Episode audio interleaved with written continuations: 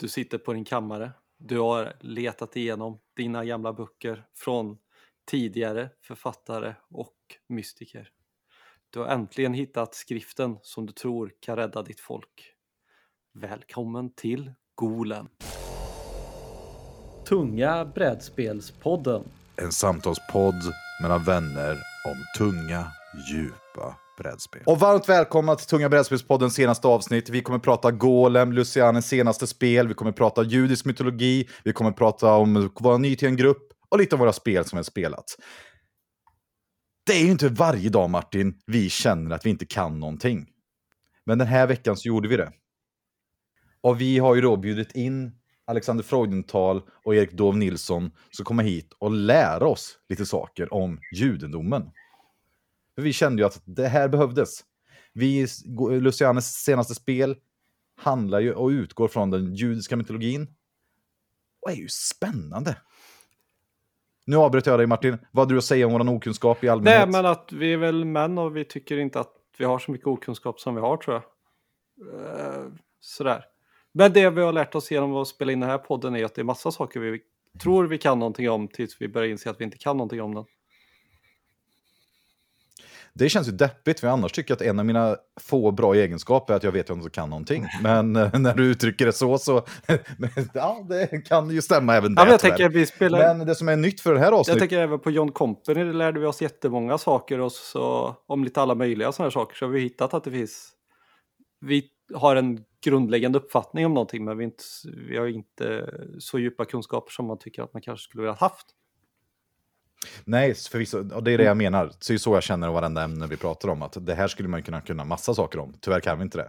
Men vi försöker och vi försöker vara ödmjuka och vi försöker föra ut vårt perspektiv. Men den här veckan kände jag i alla fall att, ah, alltså det här med...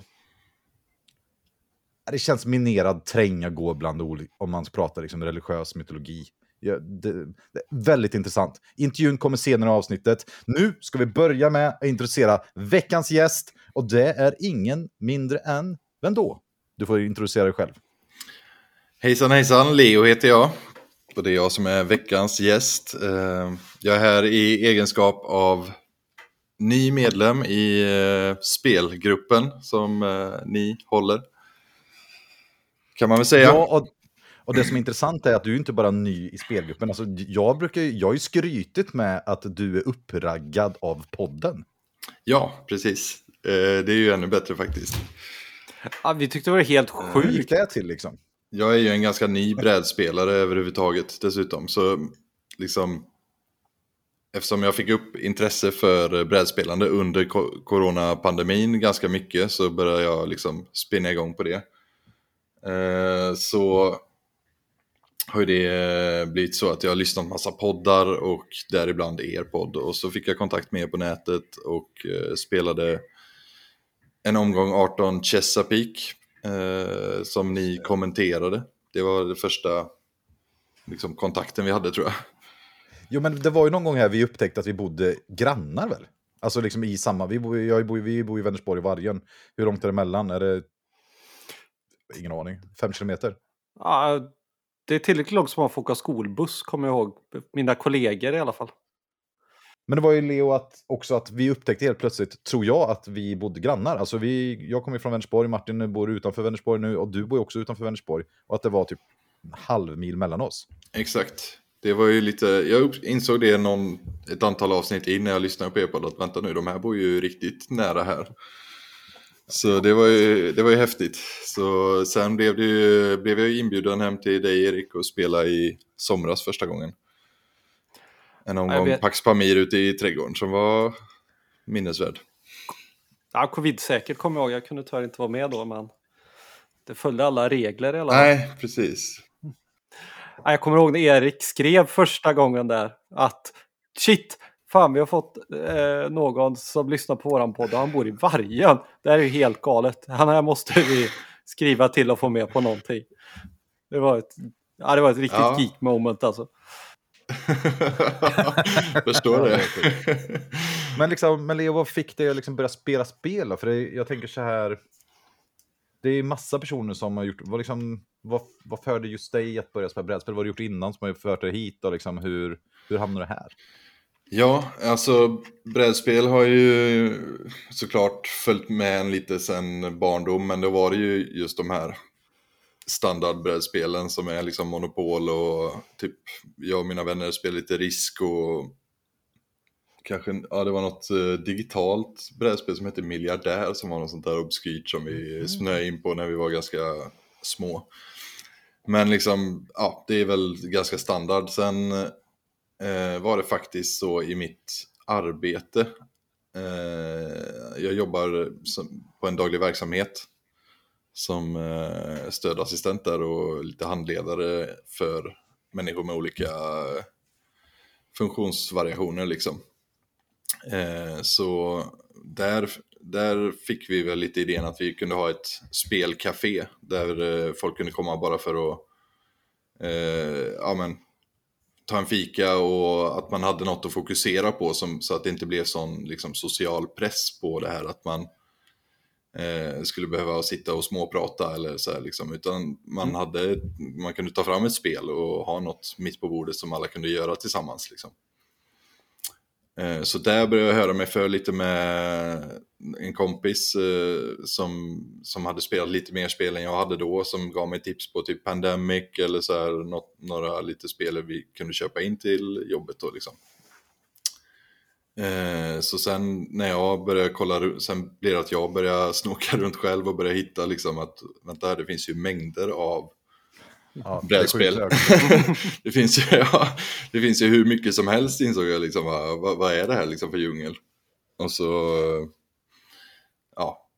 Men, men jag tänker liksom, du, har du säger här att du har spelat brädspel i ett och ett halvt år kanske, om man ska vara generös. Ja, kanske något sånt. Och sen ja. så så tänker jag att det finns folk som spelat brädspel hela livet och då tycker de så här, ja de här så kallade tunga brädspelen, om man nu kallar för tyngd, men mm. att nej, så där avancerade spel har inte, jag, har inte jag lärt mig spela än. Det kanske kommer någon annan gång. Och du liksom, för det finns ju en hel stor, jättestor debatt där med det gateway-spel och allting. Och så nu säger du att det första gången vi spelade ihop, ja, det måste ju varit x antal månader sedan det X är mer än sex. Då spelade vi 18 chess. Då har du spelat mm. spel ett år ungefär.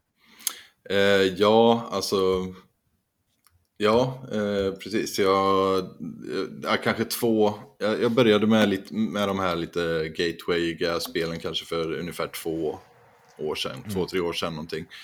Köpte jag på mig något på Tradera som heter Time Barons som var så här eh, som jag och min eh, svåger kan man säga spela, spela liksom dueller i eh, ett antal gånger och fastna lite för och så, så där började jag kolla runt. Sen blev det Wingspan och så liksom började jag spela det lite men ja, det är, det är en väldigt intressant eh, fråga liksom varför jag drog mig så snabbt mot de lite tyngre spelen. Det var, eh, jag började ju lyssna på en del poddar och konsumera liksom mycket eh, media kring brädspel. Jag började läsa om brädspel så då, då ser man ju mycket av de här nämnas liksom. Eh, eh ja, lyssnar ju på Bitter och Tysk till exempel som pratar om de här gamla eurospelen och det här som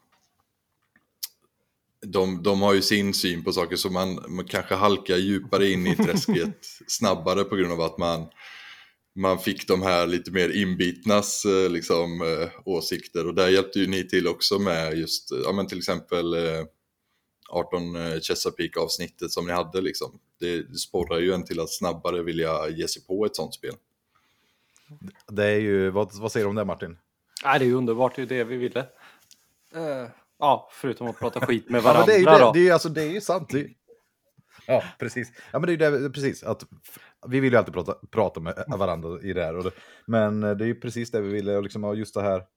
Vi, vi hade ju något långt gateway-avsnitt som vi pratade om, ju just att vi inte tror så mycket på det här hela gateway-grejen. Men jag tänker också att det beror så mycket på vilken bakgrund man har. Så jag, jag tänker så här, Leo, att det kan inte vara första gången du blivit intresserad av någonting och börjat gräva ner det djupt ganska snabbt. Ska jag gissa. Nej, jag, det stämmer. Jag har ju varit, jag är lite typ periodisk i mina intressen på det sättet kan man säga. Min eh, sambo reagerar på att plötsligt ska jag börja lära mig massa om så här mikroelektronik och börja köpa på mig massa små eh, kablar och minimanicker och sen eh, ett halvår senare så köper jag liksom serietidningar från 80-talet med så här eh, vuxen serietidningar typ och börjar grotta ner mig i olika serietecknare och sånt där. Liksom. Så det känner man ju inte alls igen sig. Alltså. Det har varit, det har varit, äh, eller hur? Ja, det har varit lite så. Jag skift... Folk har liksom skojat lite om hur jag skiftar hobby ganska ofta. Men där har jag väl känt att just med brädspelshobbyn så, så tror jag att det blir också något som enklare blir mer varaktigt för det är mer socialt också än de andra intressena jag har fastnat för liksom. Lättare att hitta folk att bolla med och att man gör något tillsammans liksom så här. Det är svårare att få ens kompisar intresserade av eh, obskyra serier från 80-talet liksom. Man blir ju direkt intresserad dock när du pratar om det, men, men absolut, jag förstår vad du menar. Alltså det sociala kittet som egentligen kanske ibland är för en bisak från början blir ju ganska snabbt Mm. det stora grejen alltså tycker jag. Ja, men när man kan göra något tillsammans på det sättet som det är med ett brädspel liksom. För det har jag insett att Men tycker det finns någon upp... För, ja, men för det jag har insett nu med senare tid, typ de jag umgås med som inte är familjen då, nog för att jag har en stor familj, men det är ju ändå liksom eh, människor jag spelar brädspel med. Jag umgås inte så mycket med vänner som inte spelar brädspel längre. Jag vet inte hur det ser ut för er, men det, det har blivit en, liksom, det sociala nätverket jag håller fast vid. Ja, alltså du pratar ju med en... Jag känner mig väldigt mycket som småbarnsförälder och vi brukar prata, jag brukar prata om att man måste maxa. så ibland, det är ju det är ju tyvärr så. Om, jag minns så mycket en annan jävligt bra kompis, Blajban brukar vi kalla honom för, att hans gamla internetfejknick. Han dök ju upp en gång för länge sedan när vi skulle spela Halo på en söndag. Och eh, då så dök han upp klockan 10 på morgonen, eller 9. Eh, och med ett sexpack och två paket cigaretter. Och alla undrar, Blajban, alltså vi skulle spela liksom Halo, vi har ju inte tänkt att festa. Och han bara, du, jag är småbarnsförälder, man måste maxa. Liksom, Han hade inte två helger att göra, en- han kunde inte dricka öl en helg och röka en helg och så spela brädspel, liksom Halo. Han var tvungen att göra båda samtidigt. Så kan jag ju tyvärr känna lite med brädspelshobbyn, för att det är så många spel man vill spela. Och det är så himla trevliga personer man känner. Okej, det är klart man har tid att träffa dem. Mm. Men de andra personerna man bara gör en sak med, ja, jo det är klart, någon gång per år hinner man ju träffa dem också kanske. Okej, men har ni spelat några spel sen vi spelade in? Förra avsnittet var ju när vi pratade etik och moral och vi- brädspels eh, etik. Eh, vi pratade eh, om Kanban EV, som du också spelat Leo, det vet jag ju. Ja, inte Och- EV, men eh, jag har testat. Du har bara spelat just det, gamla. första Kanban. Vad tyckte du om Kanban? Jag har egentligen bara spelat det på nätet, eh, multiplayer, så att jag har ingen så här jättetydlig bild av det. Eh, men ja, jag är inte helt, jag kan inte helt eh, ge det liksom ett betyg än heller känner jag, som känns rättvist. Men ganska... Men är det något du skulle vara sugen på att spela liksom? Ja, jag skulle gärna vilja testa det. Eh, absolut, det skulle jag. Jag tänker det det som är sköna med att ge ut betyg är att de inte är fasta för alltid utan att de kan förändra sig över tid. Men det är kanske bara så Mm, jag Vad tänker på du det. Kanban för betyg då Martin? Kan vi inte göra det rätt så Bra. bra? Några veckor efterhand. Nej men jag tror den ligger där på 6,5 någonting. Sju kanske. Jag tycker, jag tycker det är... Det känns som Ja. ett spel vi någon gång kommer spela. Ja det känns som ett bra spel men som jag har sagt bara var, spelat det det är ju inte första kärleken liksom. Jag har bara spelat asynkront och, och eh, Mm. typ solo för att, för att ta in eh, reglerna. Så jag har mer, mer fattat ungefär hur det funkar än att jag har spelat det känner jag. Så Ja, jag fattar. Det känns som ett uselt spel, asynkront skulle jag säga spontant säga. mm, Ja, det känns som det ett uselt sätt att lära sig nya spel kan jag säga som har försökt göra det med fem stycken. Ja. Jo, fast du läser ju inte heller inte reglerna när du spelar asynkront Martin, så jag vet inte om det... Det brukar ju inte Ja, behöva jag, jag håller med om det också, jag, jag gillar inte det. Jag tycker inte man tar in spelet riktigt eh, liksom när man spelar asynkront. Så jag gillar inte heller att lära mig spel på det sättet. Nej, jag håller med. Det, man tappar liksom hela känslan av spelet på något sätt. Ja. Och det, ja, det är svårt. Men har ni spelat några andra spel då, som ni, sen senast? Vi kan köra Martin ett spel först och sen får Leo ta ett. Ja, jag försöker klura på om jag har spelat något nytt sen sist. Jag tror faktiskt bara jag har spelat samma spel sen samma som sist. Jag har spelat lite av olika 18xx igång. 30 och 56 tror jag. Och så är det Jag lite... har för mig att du spelade ett tyst spel från 86 på min födelsedag. Ja, fast jag har ju spelat förut. Men visst, eh, ja det har jag gjort. Eh, Vad, mm, vad heter det nu igen då? Dimasche. Eh, Det har ju våra kompisar recenserat i sin senaste podd också. Andreas Isberg pratar ju om det. I Vi snackar brädspel. Vi snackar brädspel, ja, ja. det var rätt kul. Om ni inte har lyssnat på det avsnittet så borde ni göra det. Ja, det har jag ju spelat. Och så, Ja, men verkligen. så har jag typ spelat, eh, inte, vad heter det då? Florence, heter det så? Nej. Lorenzo. Il Så Magnifico. var det. Jag har spelat första Ja, fjärdedelen av spelet första, fjärde, första fjärdedelen. Ja, det var ju en liten twist här på min födelsedag. Jag tyckte att det verkade lite för lätt att spela. Vi skulle spela Terra Mystica, Guy Project och Lorenzo de Magnifico i lag. Med en liten aktionstwist om olika saker. Men vi ska ju prata lite om det nästa avsnitt här. Vi kommer att ha ett bonusavsnitt kan vi säga. kommer spelas in på fredag. Vi kommer åka till Tyskhelg i Stockholm. Eh, förhoppningsvis kan ni höra det här och ta er dit innan eh, det har varit. Vi ska dit, jag, Martin och Andreas och Mats från Snacka brädspel. Det, känns, det låter ju som att vi är några content creators som ska åka ihop, men vi råkar ju vara brädspelskompisar framförallt. Så vi ska dra dit och sen i bilen har vi tänkt spela in ett event special av bonusavsnitt. Du ska prata om typ spelat, spela på events och sådär. Vad tyckte du Leo om Dimasha då? Du har ju inte spelat innan. Ehm, ja, jag tyckte det var eh, ett väldigt ja, men, roligt, dramatiskt spel tyckte jag ändå. Liksom. För att vara så tungt så kändes det inte så himla tungt utan det kändes ändå händelserikt och interaktivt liksom så. Eh, sen var det svårt, jag spelade väldigt dåligt. Jag insåg hälften innan att jag hade förlorat tror jag ungefär. Men det var kul ändå liksom. Ja, för det har ju en weight på BG på 4,32. Mm. Vad, du som fick i uppdrag att lära dig reglerna, vad säger du om den eh, tyngden? Ja, eh, det var, det var inte det roligaste uppdraget jag har fått. Liksom. Jag, jag har suttit förut och, och försökt lära mig reglerna till det. Och eh, alltså i sin... Det, det finns väldigt mycket där. Det är typ 11, 11 punkter man går igenom i varje runda. Tror jag. Eh, och så är det ju... Så, så sätt är det ganska trevligt utformat, man kan gå igenom dem. Men sen finns det ju såklart mängder av detaljer kring eh, ditten och datten som blir lite jobbigare att ta in på förhand innan man ens har spelat spelet. Liksom. Jag har att Fabian som var med sa att han tyckte att den här weighten var eh, BS och att den var typ 2,9 eller något tyckte han. Ja, Som inte då lära sig själva regelboken utan bara liksom spela spelet. mm. Och jag tror kanske att det här är ett sånt spel som är... Att bara sitta med och spela så är, känns det inte speciellt tungt för att det tycker jag är väldigt intuitivt när du väl fått höra reglerna att det är ett val och det är inrikesval och man fått förklara sig de olika mekanikerna så flyter spelet på ganska bra. Och sen är det lite så här små, små grejer man måste komma Sen ihåg. gör Ja, det- ju det håller jag med om. samma sak typ massa gånger på rad. Så på slutet så har du ju verkligen koll på allting som händer. Precis. Ja, det jag märkte när jag skulle förklara reglerna var mer att ja, det var en massa grejer kring setup jag hade missat. Det var liksom ja, men en, hel, en del viktiga detaljer som var mer administrativa kanske, liksom, som, Mm. Mm. som jag inte hade lyckats eh, ha koll på. Så. Ja, för det kändes ju också när man läste regelboken, och jag hade ju andra, tre, andra utgåvan som sägs vara den som är bäst.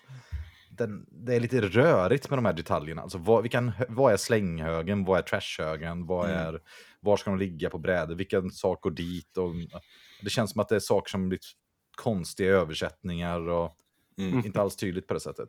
Tycker inte jag i alla fall när jag försökte ta del av det här. Ja, men har ni spelat något annat då? Jag vill bara säga en sista sak om det spelet. Jag tycker ändå att det är häftigt att det är så pass bra för vara så gammalt. Sen finns det ju massa andra gamla spel som är bra, men det kändes som att det var väldigt nytänkande då. När det kom och det bröt mycket grund. Jag känner mig uh, åld...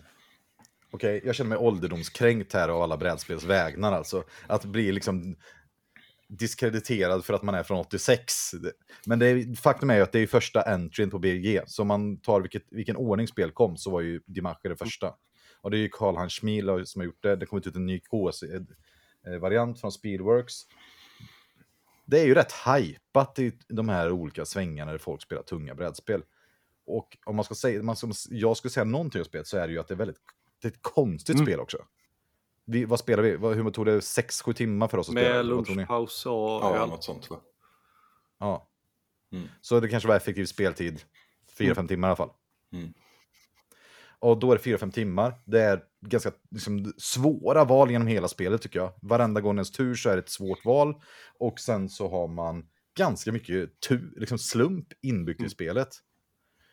Den tycker jag, och det är just att det är så långt, mycket strate, strategiska beslut, alltså att besluten är verkligen långa i spelet. Mm. Det är sådär, det jag gjorde runda två kommer du se effekten av runda fem, Mm. sådär. Och det blir, tycker jag, en konstig, mm, ja men, någon slags konstig upplevelse. Är det tematiskt eller är det crunch it euro? Men jag tycker det att du beskrev spelet så bra här, att du beskrev det som dramatiskt. Och, och för mig då, utan att spoila för mycket för vårt eventspel, så tycker jag att det här passar jättebra på ett event. Mm. Men det är inget jag skulle spela, vilja spela varje vecka. Nej. Nej, okej. ja, jag men har ni spelat något annat? Har ni spelat något annat spel um, sen pratar om? Ehm, jag har kört igång en omgång eh, 1889 som vi bör- påbörjade i tisdags med lite gamla kompisar. Varav en är ganska färsk och några har spelat ett par gånger tidigare bara. Men det... Just det, är det, är det de du hade spelat med 89 med någon gång innan va? Ja, precis. Så jag fick med dem på att börja. Vi körde en live, eh, påbörjade en live-omgång i tisdags och så fick vi avsluta asynkront. Den eh, håller på att ta slut typ i skrivande stund i princip tror jag. Ja, spännande. Ja, Hur, väldigt. hur, vad tyckte de om omgång två då när de spelade? Eh, jo, men det känns som att eh, han, Jimmy heter han som är ny, som jag har introducerat eh, till det då. Han, han, jag tycker han snappar upp det ganska fort liksom. Sen är vi, jag, det, finns, det känns ju som att det är ett, alla 18xx-spel har så många lager och jag känner mig själv fortfarande på ett väldigt eh, alltså ytligt lager av spelandet liksom att det här med att kunna se konsekvenser av alla drag och sådär liksom att jag, jag är fortfarande i, i nybörjarstadiet som jag ser det. Själv, även fast jag kanske spelat ett, runt 10 omgångar eller något sånt där. Ja, olika 18xx så det tar tid att, att komma ner på djupet i de spelen känner jag för mig. Men eh, det, då är det ju kul att ha, ha med sig andra som är på den här lite ytliga nivån fortfarande också. Samtidigt som det är kul att spela med, med er för att och se mer av djupet på, på ett sätt också liksom. Ja, men det är ju snällt beröm här du ger till oss nu tycker jag, Ali. Och jag uppskattar det. Men känner du verkligen att vi har någon djupare insyn i de här spelen när du spelar med oss? Det undrar jag. Jag, jag har inte testat, alltså det, egentligen har jag inte spelat med er så mycket heller. Det är ju 1849 spelar du och jag och. Henrik, Erik. Just det, det minns Då, jag. I husvagnen. ja, precis. Där kände jag mig eh, ännu mer vilsen än man vanligtvis gör i ett 18xx. Såklart, men det var jätteroligt liksom. Ja, Ja, men det, var- det, spelet är, det spelet är ju svårt också, tycker jag. Ja, det är jättesvårt. Och sen var det ju Men jag- 1841 hemma hos Martin. Spelarsomgången som... Ja, det är ja, det var ju. Jag hoppas få spela det på hysteriskt. Alltså. Jag hoppas att vi får spela 18xx snart. Vi, vi ska spela Imperial några gånger, det har vi ju spelat också. Mm. Ja, Just det. Är det någon som är sugen på att berätta någonting om det? Ja, alltså jag gillade den första spelomgången vi hade av det. Jag tyckte det var intressant och eh, inte, inte svårt, inte tungt eh, regelmässigt egentligen, men mycket grejer att ha koll på liksom. Vi jag, jag tycker det påminner lite om typ Chicago Express fast eh, i lite mer utvecklat format ungefär. Ja, och det som är intressant tycker jag, det är ju McGirt som har gjort det, som har gjort, vad ska man säga, nästan, skulle jag, jag vågar påstå, Concordia, är inte det ett av de svenska eurospelarnas, det måste ju ligga på så många topp 10-listor, inbillar mig i alla fall. Och hans rondell, liksom, sak som vi hittar i Navigador, Transatlantic, heter det Transatlantic? Eh, vi hittar den i Antike, och vi har den även här. Eh, I Concordia är det lite annorlunda hur man ser på rondellen, men det är en kortform då istället. Men eh, intress- jag är väldigt intressant. Alltså, vad säger Nej, men jag tänker att de spelen som många andra spel givetvis, men det hänger så mycket på att vi alla läser brädet likadant och det när vi pratar etik och moral. Va- Kan du berätta var, varför handlar det spelet om det? Nej, för det, du styr olika länder och deras militärmakt och får poäng utifrån olika saker. Men du är inte ett land så du kan äga flera olika länder. Eller inget land alls och då är det en schweizisk bank tror jag istället. Och det där har lite olika betydelse på vad man vill göra och vad man tror ger poäng och sådär. Så det blir väldigt lätt att man tror att någon är kung som kanske nödvändigtvis inte är det för att man inte förstår brädet. Skulle jag vilja påstå. Framförallt när vi spelar första gången då är det jättesvårt såklart men det lider av sån problematik. Ja, precis som Leo säger, det är ju, låter ju som Chicago, du beskriver Chicago Express här. Alltså man måste hela tiden bedöma sin egen position relativt till de andra när man spelar spelet. Det går inte att göra sin egen grej, då faller spelet ihop. Men vad tror ni då? Tror du, Leo, tror du att det kommer bli, för vi har ju spelat en gång bara, vi har ju tänkt att spela flera gånger. Tror du att det kommer bli bättre med fler spel?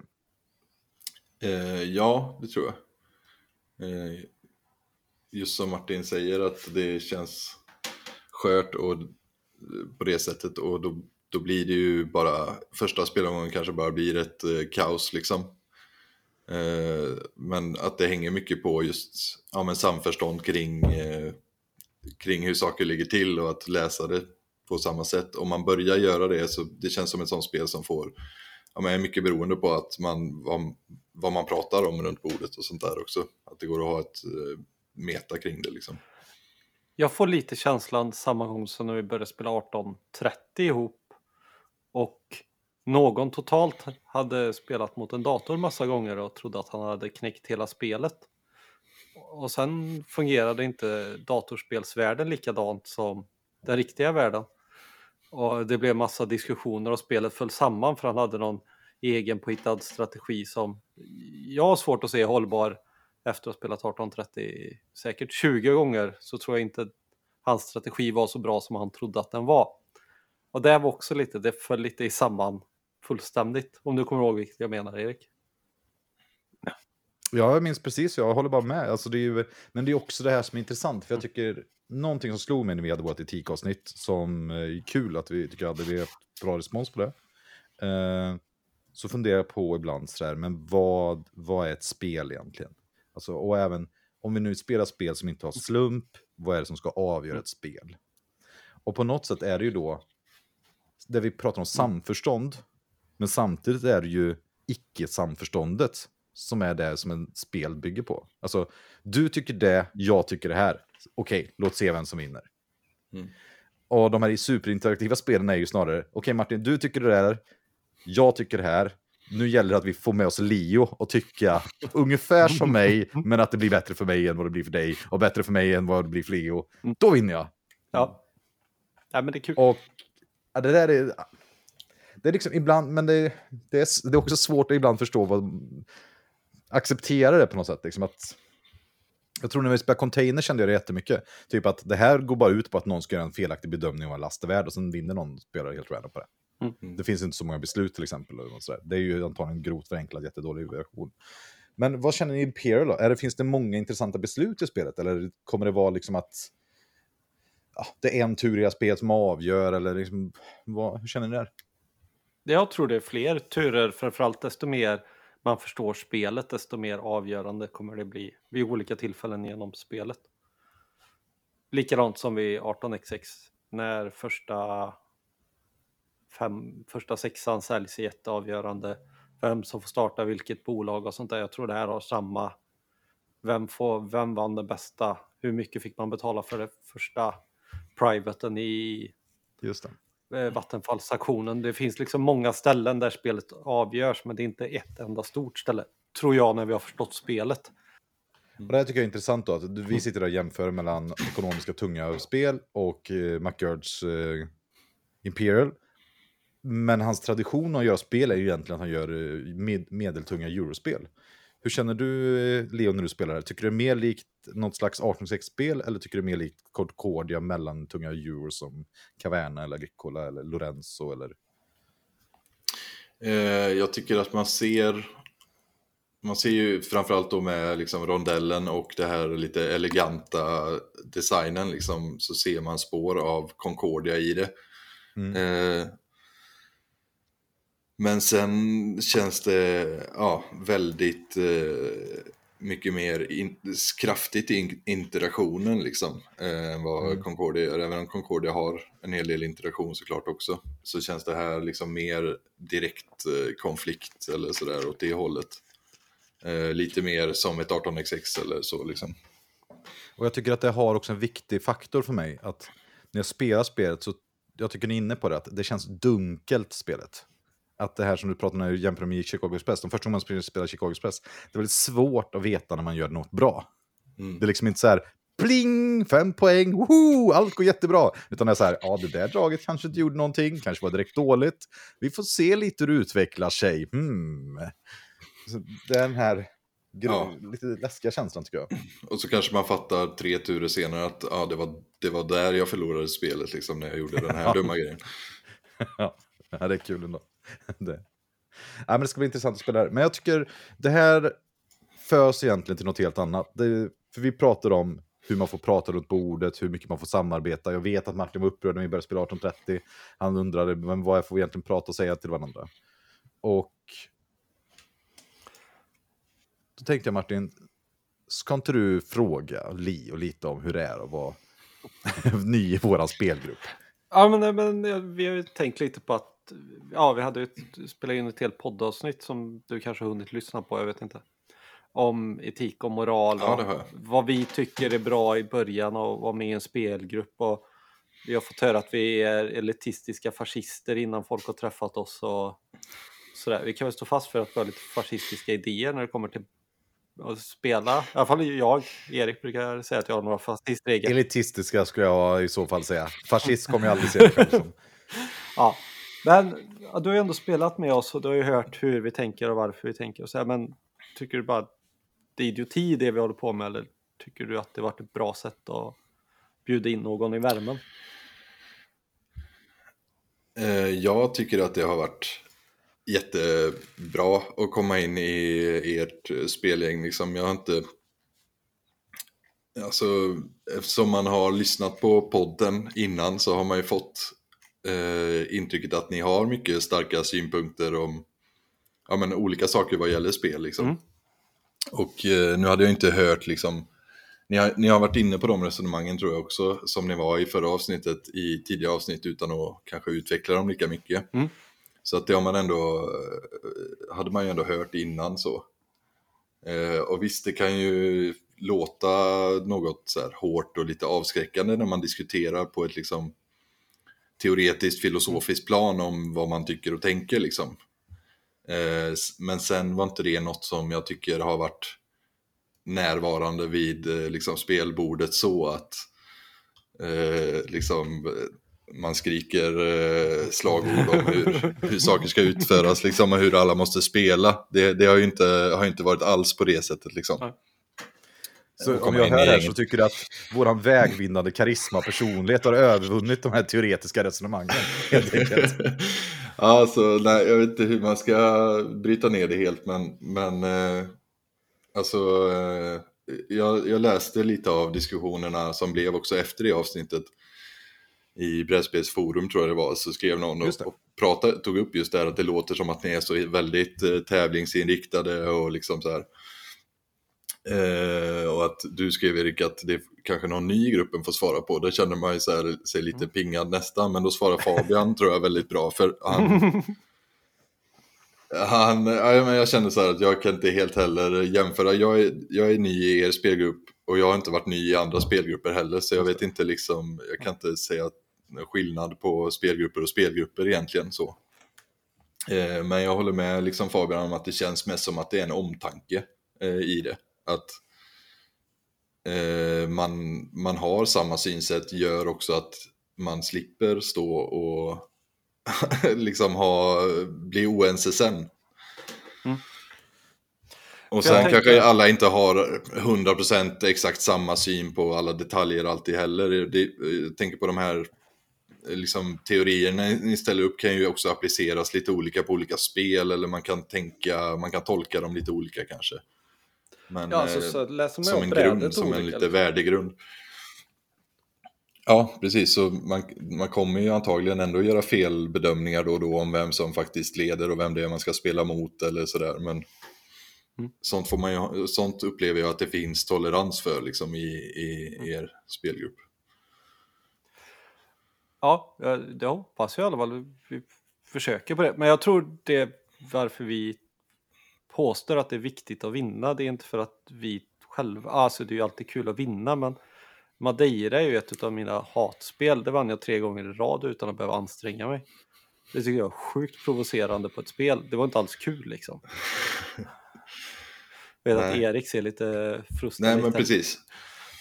Men jag tänker att det viktiga är ju att vi alla är överens om att vi ska vinna. Det viktigaste är inte att vinna. Eller tycker du annorlunda Erik?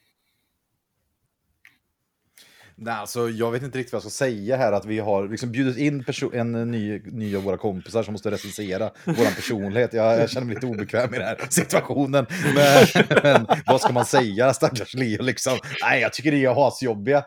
liksom. Nej, men det som jag tycker är väl viktigt sen när man har en spelgrupp, att eh, vi hade en spelgrupp innan pandemin, vi har en spe- annan spelgrupp nu. Det är ju så lite verkligheten ser ut. Och Ja. hur den kommer formas, det är ju alla de personer en stor del av. Och där är ju du Leo en stor del av det också. Och vi kommer säkert ha som navelskådningsavsnitt nummer två när vi uppdaterar spel för spelvärlden, hur vi har kommit fram till de bästa uttänkta reglerna för en spelgrupp 2.0. Det tänker jag. Vi, alltså, jag, jag vet ju när vi startade den här spelgruppen med rösta in olika spel och nominera grejer och liksom för att få någon slags demokratisk syn på hur man bestämmer spel. Att tanken var att vi skulle å, eh, årsredo, vad ska man säga, årsåterkoppla och utvärdera. Det har vi inte hunnit göra i och med liksom, allt har blivit kaos och sådär. Men jag menar att vi spelar Imperial nu är ju för att du Leo var din tur att välja spel, så nu ska vi spela det tre gånger. Mm. Så det, att vi har Golem idag är ju någon slags sensationsnyhet. Men. Ja, Men nej, men jag, jag tycker, jag vill ändå, jag är jag ärligt säga att eh, det, jag har inte känt någon typ av sådär press från personer att det, det är en hård tävling man kommer till så. Sen, sen såklart vet man ju att alla, alla vill vinna och att det, det blir ju en tävling i det och det, jag, jag, är med, jag köper det grejen med att det, är- det är så man också gör spelen rättvisa liksom och det är så man kanske får ett, ett kul samförstånd i denna gruppen. Sen får, sen får varje spelgrupp ha sin filosofi såklart om eh, hur och varför man vill spela tillsammans. Ja, och jag tycker just att det, för, för mig är det ju det, jag vet, det kom inte heller riktigt fram förra gången vi pratade, men för mig är det att, att vissa kulturer och vissa saker man gör, har, tycker jag då, vissa ritualer som man har för att få max ur dem. Till exempel ska man titta på svåra pretentiösa filmer så lämpar det sig till exempel kanske inte vara helpackad eller eh, och kanske inte att prata under den filmen med sin mobiltelefon. Utan att man kanske ska försöka tänka liksom innan, efter under eller någonting. Ska man, eh, vad vet jag, gå på hockey eller fotboll, åka till någon Premier League, kanske man ska lära sig några hejaramsor så man kan vara med och sjunga lite. Och på samma sätt så tycker jag det är med brädspel. Alltså, om man spelar spel som är gjorda för att man ska försöka vinna, då ska man försöka vinna. Och man ska försöka göra sitt bästa på något sätt. Så den förutsättningen tror jag får fram det bästa ur produkten.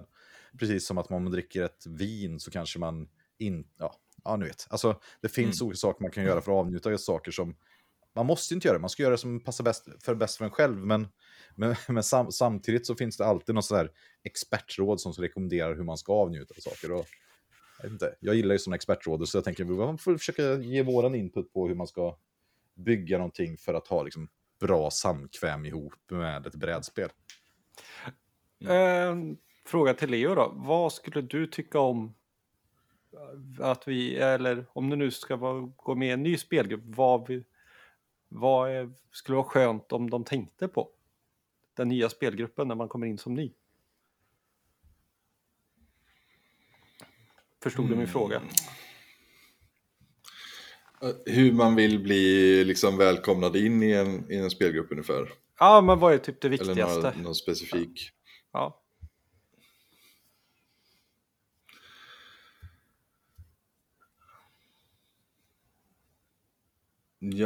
det var, det var liksom en svår fråga. Jag, ja, men att, att vara välkomnande och vänlig liksom och eh, accepterande. Eh, liksom så, här. så att man bara känner att man inte... Att man eh, ja, men, försöker att och, och ta in någon utan att liksom eh, sätta eh, liksom sätta en ton för mycket kanske på en gång eller så här, liksom känna in personen. Och det är där jag tycker att brädspelshobbyn generellt, eller jag vet inte om det är bara vi som gör så här, men jag tycker att det är egentligen ganska absurt hur folk liksom sådär, ja, men som Fabian, om vi ska ta ett annat exempel, eh, från Göteborg, då, deras spelgrupp. Vi snackar lite med varandra på internet, spelar något spel över internet. Och sen blir vi inbjudna på trerätters middag och så över hemma hos honom. Ja, Vi har aldrig träffats i verkligheten. liksom, det, det, Det är pratat med varandra. Ja, men liksom att det finns någon sådär, ja men du har min hobby, det är klart att du är vettig, kom och bo hos mig. Mm. Bara, ja, okej, Ehm, klart jag gör det. det är sådär. men är det inte lite... Hade det varit sån här nät... Ja, men jag, tänk... Martin? ja, men jag tänker så här, är inte det lite så hur Sverige fungerar med fast föreningar istället i annat fall? Så här. Jag håller på med fiske, jag pratar med någon annan gubbe som håller på med fiske och helt plötsligt så står jag i, i någon älv i Tornedalen med mitt flugfiskespö för att jag pratar med någon gubbe. Det känns lite så här svensk eh, hobbyanda över det hela. Eller hur Och står... jag har ingen aning hur det är utomlands, men, eh, men det, är ju, det är jättefint. Det är ju skitkul, för jag menar det är så på något sätt. För mig är det ju väldigt stor skillnad på att bjuda hem någon till ens hem och träffas på en lokal. Det blir mer personligt Mm. och lättare att kanske prata. Och, liksom, och det krävs typ också lite mer socialt att komma hem till någon. Ja, Det, verkligen. tycker jag. Det, och därför tycker jag att man bygger på det sociala lite bättre. Ja, nej, men det är intressant alltså. Men vad, vad tror du att, hur kommer du vilja påverka spelgrupperna Leo? Får man eh, fråga det? Har du Någon diabolisk plan för hur jag ska ja, men liksom, vad känner du och härska. att, Nej. känner du att det, vad, liksom, har du något perspektiv som du tycker är viktigt med Eh. hobbyn? För jag tänker att vi har ju olika, jag står ju för någonting för det här, att jag, jag tycker om att tänka, liksom. det är därför vi har den här podden, att vi kan tänka och prata efter vi har spelat, för jag gillar ju det Mm. nästan lika mycket som att spela. Så för mig är det viktigt att tänka liksom, på spel. Ja, jag, jag har nog...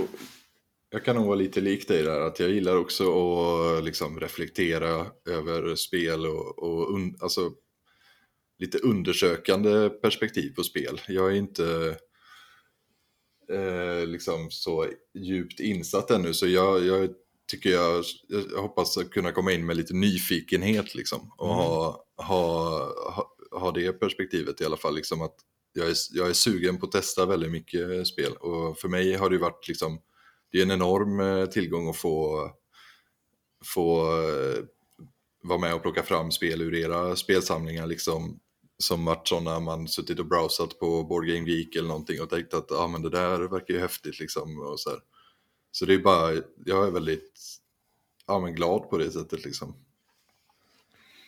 Ja, det, är ju faktiskt, det låter ju faktiskt helt sjukt när man hör det här man hör det framför sig. Jag vill också träffa någon person som har en hobby, som har massa saker hemma och låter den gå in och bara här, ta den här, här vilket spel du vill.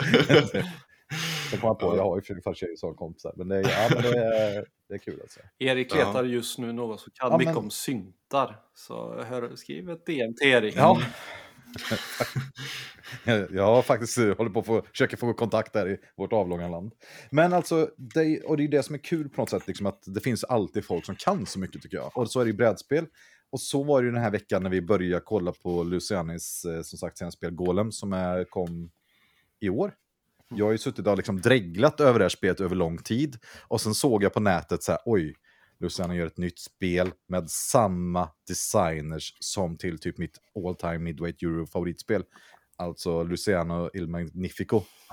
Det är ju Flaminia Brasini, Virgi, Virgino Gigli och Simone Luciani som har gjort eh, spelet ihop. De gjorde Lorenzo och de gjorde Golem. Och när jag såg det här, jag bara, oj herregud. Jag, jag, alltså, jag var så, jag var så typ, vet det här ibland när det kommer över när man sitter och uppdaterar någonting. He, man vet att ingenting kommer hända, men uppdaterar det några flera gånger per dag för att se om någonting har kommit. Så jag suttit och dreglat över det spelet och sen så upptäckte jag bara, kommer det handla om golems? Bara, är inte det sådär en judisk eh, så här mytologi, tänkte jag, utan att kunna så mycket. Jag spelat Magic och sånt med lite golems. Och sen så såg jag en tråd, typ den första tråden var på BGE, börja utveckla sig. Är det här kultur, kulturell appropriering? Är det dåligt? Är det bra? Och bara, börjar bli det där bara hyllmeter på BG. Mm. Med sex, sju sidor som bara fylldes på av olika personer som börjar lacka ur. Eller tycker att de andra lackar ur helt felaktigt. Mm. Då kände jag Martin, bara, det här kommer vi verkligen kunna göra rättvisa. Därför du ringde ju mig när du var på väg ut på husvagnssemester med familjen så här. Nu är vi nog lite ute i djupt vatten här. Eh, och, och vi diskuterade hur vi skulle förhålla oss till att nämna, närma sig sånt där ämne och då kom vi fram till vi måste prata med några som faktiskt kan mer än vad vi kan. Det var ju i och för sig inte så svårt, men kanske hitta några som faktiskt kan mycket mer om det här än vad vi kan. det, Och- ja. ja, men och just liksom, det, jag... Nej, kör du. Nej, för vi, du, vi pratade ju om att vi behöver hitta någon och så skrev vi ju på olika forum och det var ju jättemycket schyssta folk som bara, ja men jag känner den här, prova att skriva till bla bla bla eller sådär. Så vi fick ju tag på två stycken, det var ju helt grymt. Ja, tack till hela communityt som faktiskt har hjälpt till. Ja, alltså inte Ja, det bara var ju vårat, helt grymt gensvar, alltså. brädspelsforum, eh, eh, vad heter den andra som jag alltid butchar namnet på? Eh, Kontra Dargo. Ja. Nej, det är helt galet. Vi är jättetacksamma. kontra Dark, ja förlåt, vi butchar alltid det namnet, det är ju katastrof. Men, eh, nej, men det var jätte, jättekul alltså, eh, att folk vill ställa upp. Och eh, med det sagt så tycker jag att vi kör intervjun och eh, låter de här herrarna prata själva om Golem. Mm. Ska- Nej. Så, då har ju vi tänkt den här veckan att vi ska prata om Golem och eh, som vanligt brukar vi prata om temat eller settingen. När vi började eh, intressera oss för det här spelet Martin så pratade jag med dig om att vi hade en, det fanns en lång diskussionstråd på BGG om eh, hur kulturell miss, vad kallas det, kulturell misspropriering, jag vet inte, appropriering, Kulturell appropriation, tror jag. Precis, kulturell appropriation, eller om det var misappropriation på engelska som de då tyckte. Eh, jag intresserade mig av det, det var det anledningen till att jag blev först intresserad av spelet, förutom att det är Luciani som gjort det. Och det är ju sex sidor med långa poster, påminner lite om när Fister släppte Maracaibo och när de släppte Mombasa. Och problemet med det här Martin, det är att vi kan ju ingenting om judendomen, förutom det vi kan från gymnasiet. Ja, och det är ju skrämmande lite även därifrån om man ska vara riktigt ärlig. Ja, det är pinsamt dåligt. Och jag, det, jag kände bara så här, är det vi som är extra usla på det här? Eller är det bara att vi är inte så bra på religionsundervisning kanske i Sverige? Man är bara 50 poäng i gymnasiet. Ja, jag tänker att det är väl kristendomen de har fått i modersmjölken om ens det. Ja. Ja. Men vi har ju kallat på några ädla gäster som har tagit upp den här facklan för att komma med ljuset i vårt mörka sinne så vi kan få lite mer kunskap. Och jag tänker att de här två goda herrarna får introducera sig själva. Vilka har vi med oss?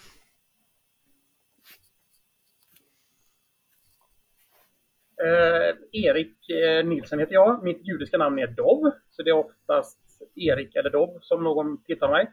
Eh, jag är inte född jude, men jag är uppvuxen med en kvinna som var som min mormor.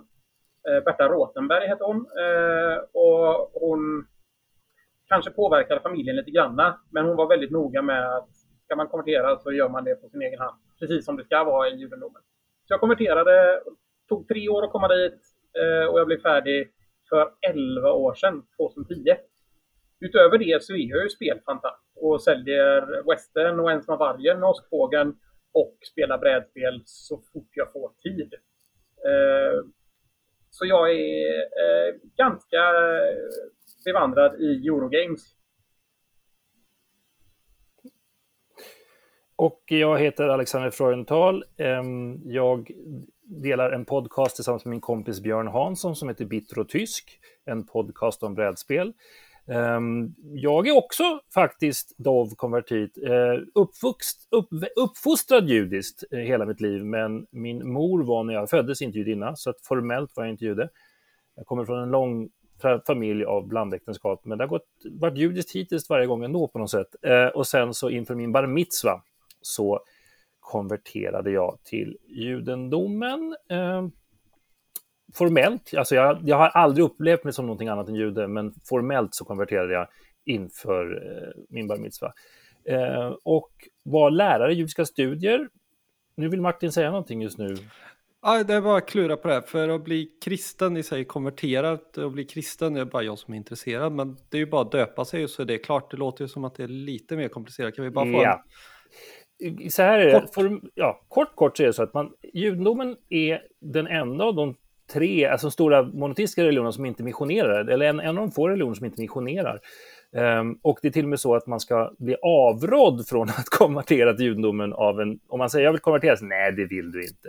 Jo men jag vill, nej men det vill du. Så tre gånger ska man bli avrådd och har man blivit avrådd tre gånger och fortfarande säger ja, ja då kan man konvertera. Det är mest för att, därför att också enligt judom, när man väl har konverterat, och det innebär, precis som Erik pratade om, att man ska plugga, det tar tre år, man ska lära sig, man ska studera hebreiska, man ska lära sig de judiska skrifterna, man ska hålla på med halacha som är judisk lag och traditioner etc. Och sen så är det inför en, en rabbindomstol som, som kollar om det här är godkänt och sen så är man, har man konverterat. Och om man är kille så ska man omskära sig också. Eh, inte sig själv då, utan någon får göra det åt en, annars blir det väl obehagligt. Eh, och så. Sen finns det olika traditioner hur mycket eller mindre man gör beroende på vilken inriktning inom judendomen man pratar om. Men för det finns ett antal, för det finns det alltid. Man brukar säga en, två judar, tre åsikter, ett, ett klassiskt påstående. Eh, men i alla fall så, ja, så att, och då konverterar man. Så det man, behöver, man går, behöver gå igenom en resa för att verkligen veta att man vill göra det här. För enligt judisk tradition så är man väl konverterad, bliven jude, så kan man aldrig sluta vara jude. Det går liksom inte att gå ur. Du kan ju konvertera till kristendomen, säger vi, men då är man ur judisk synvinkel bara lite förvirrad. Mm. Så, så här, det går över, Han, det, det, löser sig sen. Så att det är därför man ska verkligen vara säker på det hela. Ja, om man säger så. Ja, tack. Varsågod. Eh, så att, men, jag konverter, men jag var liksom, jag omskars i åtta dagar som man ska Eh, in i traditionen. Så jag, jag, jag, har konverterat, men jag har också samtidigt aldrig känt mig som annat än jude. Um, och sen var jag då högstadielärare i judiska studier i 17 år och nu för tiden jobbar jag på Hedengrens bokhandel i Stockholm och det är världens bästa jobb, tycker jag. Mm. när jag inte spelar in brädspelpodd och spelar klezmermusik, för jag är musiker och kompositör också. Så jag har ett klezmer-storband, judisk folkmusikstorband i Stockholm. Det är jag. Ja, men vad, vad spännande alltså. Vilka, jag tycker att det är, alltså, som jag sa innan här när vi pratade lite, att jag tycker det är jättekul att ni vill vara med och prata idag. För att, eh, jag vet inte, det kanske bara jag som läser nyheter som tycker att det enda jag hör om judendomen och judar i Sverige är att eh, antisemitismen eh, ökar. Och mm. att det är stort tryck och jag läser massa skräckblandade nyheter från Malmö och, det, och från Göteborg gör det vakter från synagogor och sånt. Och det är då jag tänker så här, hur är är det bara den här bilden i media som finns? Jag menar, det här spelet kom nu med Golem med, som sägs bygga då på den judiska, jag kallar man det mytologin? Jag är os... Jag, ja. ja. Och eh, jag funderar på hur mycket syns judendomen i mainstream-media? Alltså, är det vanligt att eh, den judiska kulturen på något sätt kommer in? Eller är det här, är det här något nytt som vi ser just nu i pop, populärkultursammanhang? Eller hur ser det ut egentligen? Erik, kör hårt på det. Ja, alltså eh, säkerhet för mig som bor i Göteborg, och Göteborg är ändå ganska hyfsat liberal. Eh, så jag bor i ett sånt där före detta utsatt område, Tynnered. Och här går jag inte med kippa. Jag har kippa på mig inomhus, men jag går inte ut med den. Eh, och jag tror nog att det har blivit lite mer judar i media Eh, eller judendom i media eh, i och med Netflix och lite sånt som har sen en, en ganska stark serie om en eh, väldigt eh, stark religiös chassidisk familj. En, en, kvinna som försöker bryta sig ur det här. Eh, annars så, eh, ja, eh, regeringen eh, har då godkänt ett museum och då blossade det upp lite mer. Och sedan så spiller saker från Israel över in hit. Nu kanske inte jag håller med om eh, Israels politik alltid, men det är, först, det är oftast kopplingen till Israel som jag får skit för, om jag får skit överhuvudtaget. Mm. Mm. Ja, det är väl samma min erfarenhet också. Um, Först och främst, så, förutom Malmö, och Malmö är verkligen ett väldigt sorgligt kapitel, för det borde, vi borde kunna vara bättre, vi borde kunna funka bättre som medmänniskor mot varandra så skulle jag säga att alltså, så mycket antisemitism upplever jag inte, men det finns ju vakter där. Jag kommer ihåg när vi gick med sonen till skolan, som han gick på judiska skolan här i Stockholm. Det var ju vakter utanför eh, i vissa mm. stunder och, och det ju, känns ju djupt tragiskt att jag ska ta min son bakom skottsäkra väggar och skottsäkert glas och, och gå med vakterna ska till plugget. Det känns ju så absurt. Ja. Samtidigt, och det ännu mer absurda var ju att han var van vid det. Ja, det är ju... Ja, så han, ref han reflekterar ju inte över det. För jag säger, vad fan det här håller du på med? Samtidigt så är ju det svenska samhället också i stort ganska jag skulle säga det är ganska vant judisk kultur, framförallt den amerikanska judiska kulturen, fast liksom populärkultur med Seinfeld och alla de här Mm. sakerna. Woody Allen Mm. förr, men inte så mycket nu på grund av eh, Mia Farrow-debaclet Mm, och etc. ja. Men, men det är ändå så att det finns ganska mycket latent judisk kulturkunskap hos gemene svensk, men den är inte reflekterad. Man har inte funderat på att det här är faktiskt judisk kultur jag ser också. Nej, för jag jag, tänkte just på dem du tog upp här, tänkte Mm. jag på precis modellen eh, Seinfeld och även South Park. Tänkte jag. Mm. Ja, visst. Och, och Larry David, vad heter det? Simma lugnt Larry och Curb Your Enthusiasm som går liksom på lite olika kanaler. Alltså, Grejen är att de flesta sitcoms från eh, New York, eller som utspelar sig i New York, har alltid en jude i sig. Mm. Och det är ju antagligen för att New York har en av världens största befolk eh, judiska befolkningar, förutom Israel. Ja, just det. Absolut. Eh, så, och det här med liksom sådär smågrejer som bagels, det är väldigt judiskt. Eh, här i Göteborg så har vi snoddas, alltså ett vitt bröd med vallmofrö som är flätat. Mm. Det är ju challa, det har ju vi ätit i tusen år, Mm. så vitt jag vet. Eh, men här i Göteborg så är det ingen som tänker på att ens barkis, barkis är också ett vitt bröd med vallmofrö Ah. på. Eh, men att barkis skulle tydligen vara eh, hämtat från eh, benchen. Och benchen... Nej, för, barches, barches, broches, Barches, alltså, alltså välsignelser. Så det är en, en, en grej som har snott. så, så omedvetet, precis. Det är fascinerande. Nej, men, och det är ju intressant då med den här amerikanska kultur, eh, kulturen som har genomsyrat oss här i Sverige under lång tid. Och det som är intressant med det brädspelet tycker jag att det är ett italienskt spel. Och ett italienskt spel med ett tema som baseras då, sägs det, av judisk mytologi. Och då är frågan, liksom, hur... För jag, jag tänker bara på skräckexemplet för mig, det var när de gjorde filmen Tro- Troja. Kommer ni ihåg den? Med, Ja. var det Mm. Brad Pitt i Ja, huvudrollen, just det, var ja. Mm. Achilles och Herakles. Och, Mm. ja, det var ju en total slakt av, eh, av de, om, om de gamla böckerna helt enkelt, från Homeros. Och gamla myterna. Och hur, hur är det här temat? Alltså, jag tänkte just det, jag ska kort presentera spelet. Spelet är ju att det är en klassisk euro. Eh, man, spelar, man har 12 action spelet. Man eh, är i Prag, det är en jättevacker karta över Prag med eh, ja, stadsmiljö. Man har lärjungar som går längs gatorna. Och man har möjlighet att bygga golems. Golems kostar lera, vilket jag förstått är liksom signifikant från myten. Ja. Och man samlar på artefakter som man försöker få på sig som eh, ska vara, genresurser. Man kan också köpa magiska böcker, eller böcker som är, verkar vara mm, på något sätt intressanta och ge en stora fördelar i spelet. Och man kan, en stor del som jag märkte i spelet är att man, ens golems är både väldigt effektiva utifrån eh, att de kan arbeta, men också farliga för en. Att, de, att de, man kan tappa kontroll över dem och de kan i princip löpa amok. Och eh, ja, men att du hela tiden måste försöka ja, balansera så att du inte tappar kontroll över dem eller att du har kvar dem. Och eh, ett sätt för att bli av med dem då är att du själv dödar dem, eller begraver dem, eller förstör dem, eller vad man ska kalla dem, eftersom jag antar att de inte lever. levande. Och då får man extra fördelar för det. Och det är väl egentligen grundmekaniken i spelet kan man säga. Och sen får man lite olika belöningar och draftar och håller på lite.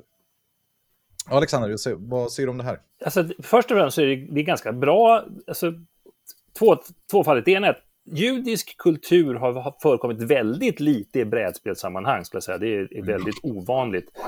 Ehm, och, och gör det det så kan det lika gärna vara, ska jag säga, um, amerikansk kristen kultur, alltså när man, för då blir det mer bibliskt. ja. När det är bibliskt så kan ju både kristna och judar kunna känna igen sig. Så att när det, liksom, de gör Settlers of Canaan så var det inte en judisk produkt, utan det var lika mycket en, en, en, en, en kristen produkt, skulle jag säga. Men, men, men Golem-storyn är ju ganska identisk. Golem-legenden är ganska ny. Jag kollade upp lite här. Historiskt sett, alltså, att göra en golem är, är enligt legenden ganska gammalt. Eh, en golem, ordet golem förekommer en gång i eh, Tanach, alltså den hebreiska bibeln, och då förekommer det bara typ som ett, betyder som ett embryo. Men man menar till exempel att innan Gud blåser in livsgnistan i, Abra, i, i- Adam, så är ju Adam en, skapad av, av jord, av lera, så är ju Adam en golem, så att säga. Sen blir han då en, en medveten. Men, men hela Golem-legenden är ganska sen, den är 1700-1800-tal och handlar då om rabbinen Juda Löv i Prag som lyckas bygga en, en, en, en skapelse där han skriver, som det står på, faktiskt på omslaget på spelet, emet i pannan på golemen som betyder sanning. Eh, och, eh, på hebreiska. Eh, och, och den vaknar till liv och den hjälper för det, det, är alltså stora stunder. Det här utspelar sig på 1500-talet enligt legenden, fast den är skriven på 1700-talet. Eh, och den, under stora tider av alltså förföljelse i Prag så är golemen som en, som, en, som en skyddsfigur. Men den går också att hämta vatten och gör saker. Men precis som intressant som det är i spelet så kan den också löpa amok. Och den kan bli farlig för rabbinen och rabbinens lärjungar, men också den judiska befolkningen. Så att i slutet är han tvungen att, att, eh, stänga av den, om man kan säga så, i och med att den inte riktigt lever. Och då suddar han ut första bokstaven alef och då står det inte längre emet, utan då står det bara met. Och met betyder död på hebreiska och då ah. faller den ihop som en lerhög. Liksom. Så, att, så, att, så att på det sättet så låter ju eh, det väldigt likt. Eh, alltså i, i grundidén. Sen är ju som alla euros är de ju väldigt eh, egentligen helt temafria om det är bra, men det är ganska snyggt påklistrat. Ja, Erik, du hade någonting att säga? Uh, ja, nej, alltså när vi ändå pratar om eh, omslaget så får ni tänka på att hebreiska skrivs åt andra hållet. Mm. Uh, så det är alltså det, den bokstaven ser nästan ser ut som ett kors eller kryss. Det är alltså första bokstaven. Det är Precis. alef. Eh, och det är den man tar bort. Så man inte tänker att ja, men det är den längst bort där. Ja, för att nu är det inte eh, latinska bokstäver, så det är åt andra hållet. Vilket faktiskt var, Erik, precis också som du säger, det var ju en, diskussion i, i just Board Game Geek när de höll, hade presenterat spelet först. Var så här, då var det någon som sa, ja det är jättekul att ni gör ett spel om ljudtradition, men ni kan ju lära er hur alfabetet skrivs. För de hade då skrivit det, för de hade liksom just gjort som, som Erik menar, som jag hade, hade alfet längst till vänster och då, då stod det plötsligt Tma, eller så. alltså det blev jättekonstigt för de som kunde hebreiska. Och det är det jag undrar, för den här stora långa tråden när folk pratar om eh, ja, den klassiska ni är för känsliga eller att ni har representerat vår kultur helt fel, det är för kast etc. Och det startar, av, startar upp med att man har skrivit åt fel håll. Alltså, det är ingen bra start för att ja, liksom, känna att man har gjort bra research eller vad man säger. Alltså, men, men ni verkar tycka att det här ändå, det verkar ganska solitt beskrivet där egentligen då? var det skrivet åt fel håll. För recensionerna så visar de faktiskt att det är skrivet åt rätt håll. Ja, nu ja. Men alltså, way back when, när de Aha, presenterade okay. spelet för faktiskt, ett, ett, ett, år sedan, ja, eller till och med mer, ja. då var det åt fel håll. Och var, men då var det någon som sa det. Och jag tycker inte, men det kan jag ju tycka överhuvudtaget som USA blir ibland, man blir ju upprörd innan man frågar. Alltså man ja, blir sur. Håller jag med om. Så här, Vadå då? Du gör det bara för att vara taskig. Eller så är han bara okunnig. Det är okej okay att vara okunnig. Då, kan man, då så var det någon snäll eh, jude som sa, ursäkta, eller någon snäll kunnig i hebreiska som sa, oavsett, ska ni skriva på hebreiska så ska ni tänka på att det skrivs från höger till vänster. Och då löste de ju det. Så var inte med med det. Och de har ju skrivit också, tror jag, regeln att vi vill verkligen tala om att vi inte vill nedvärdera kulturen på något sätt.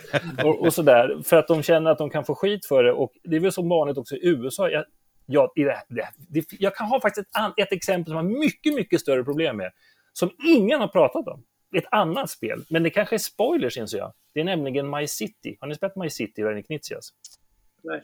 nej. Det är det samarbetsspelet där va? Nej, men nej, det är det här man byggde in. Nej, inte samarbetsspel. Det är det här, ehm, det är det här hans, hans legacy-spel. Just det. Nej, jag har inte spelat det, men jag vet vilket det är. Får man... Ja, kan man göra... Nu kommer det vara spoiler här nu. Okej, vi får leva med det. Eh, det är olika moduler som låsas upp.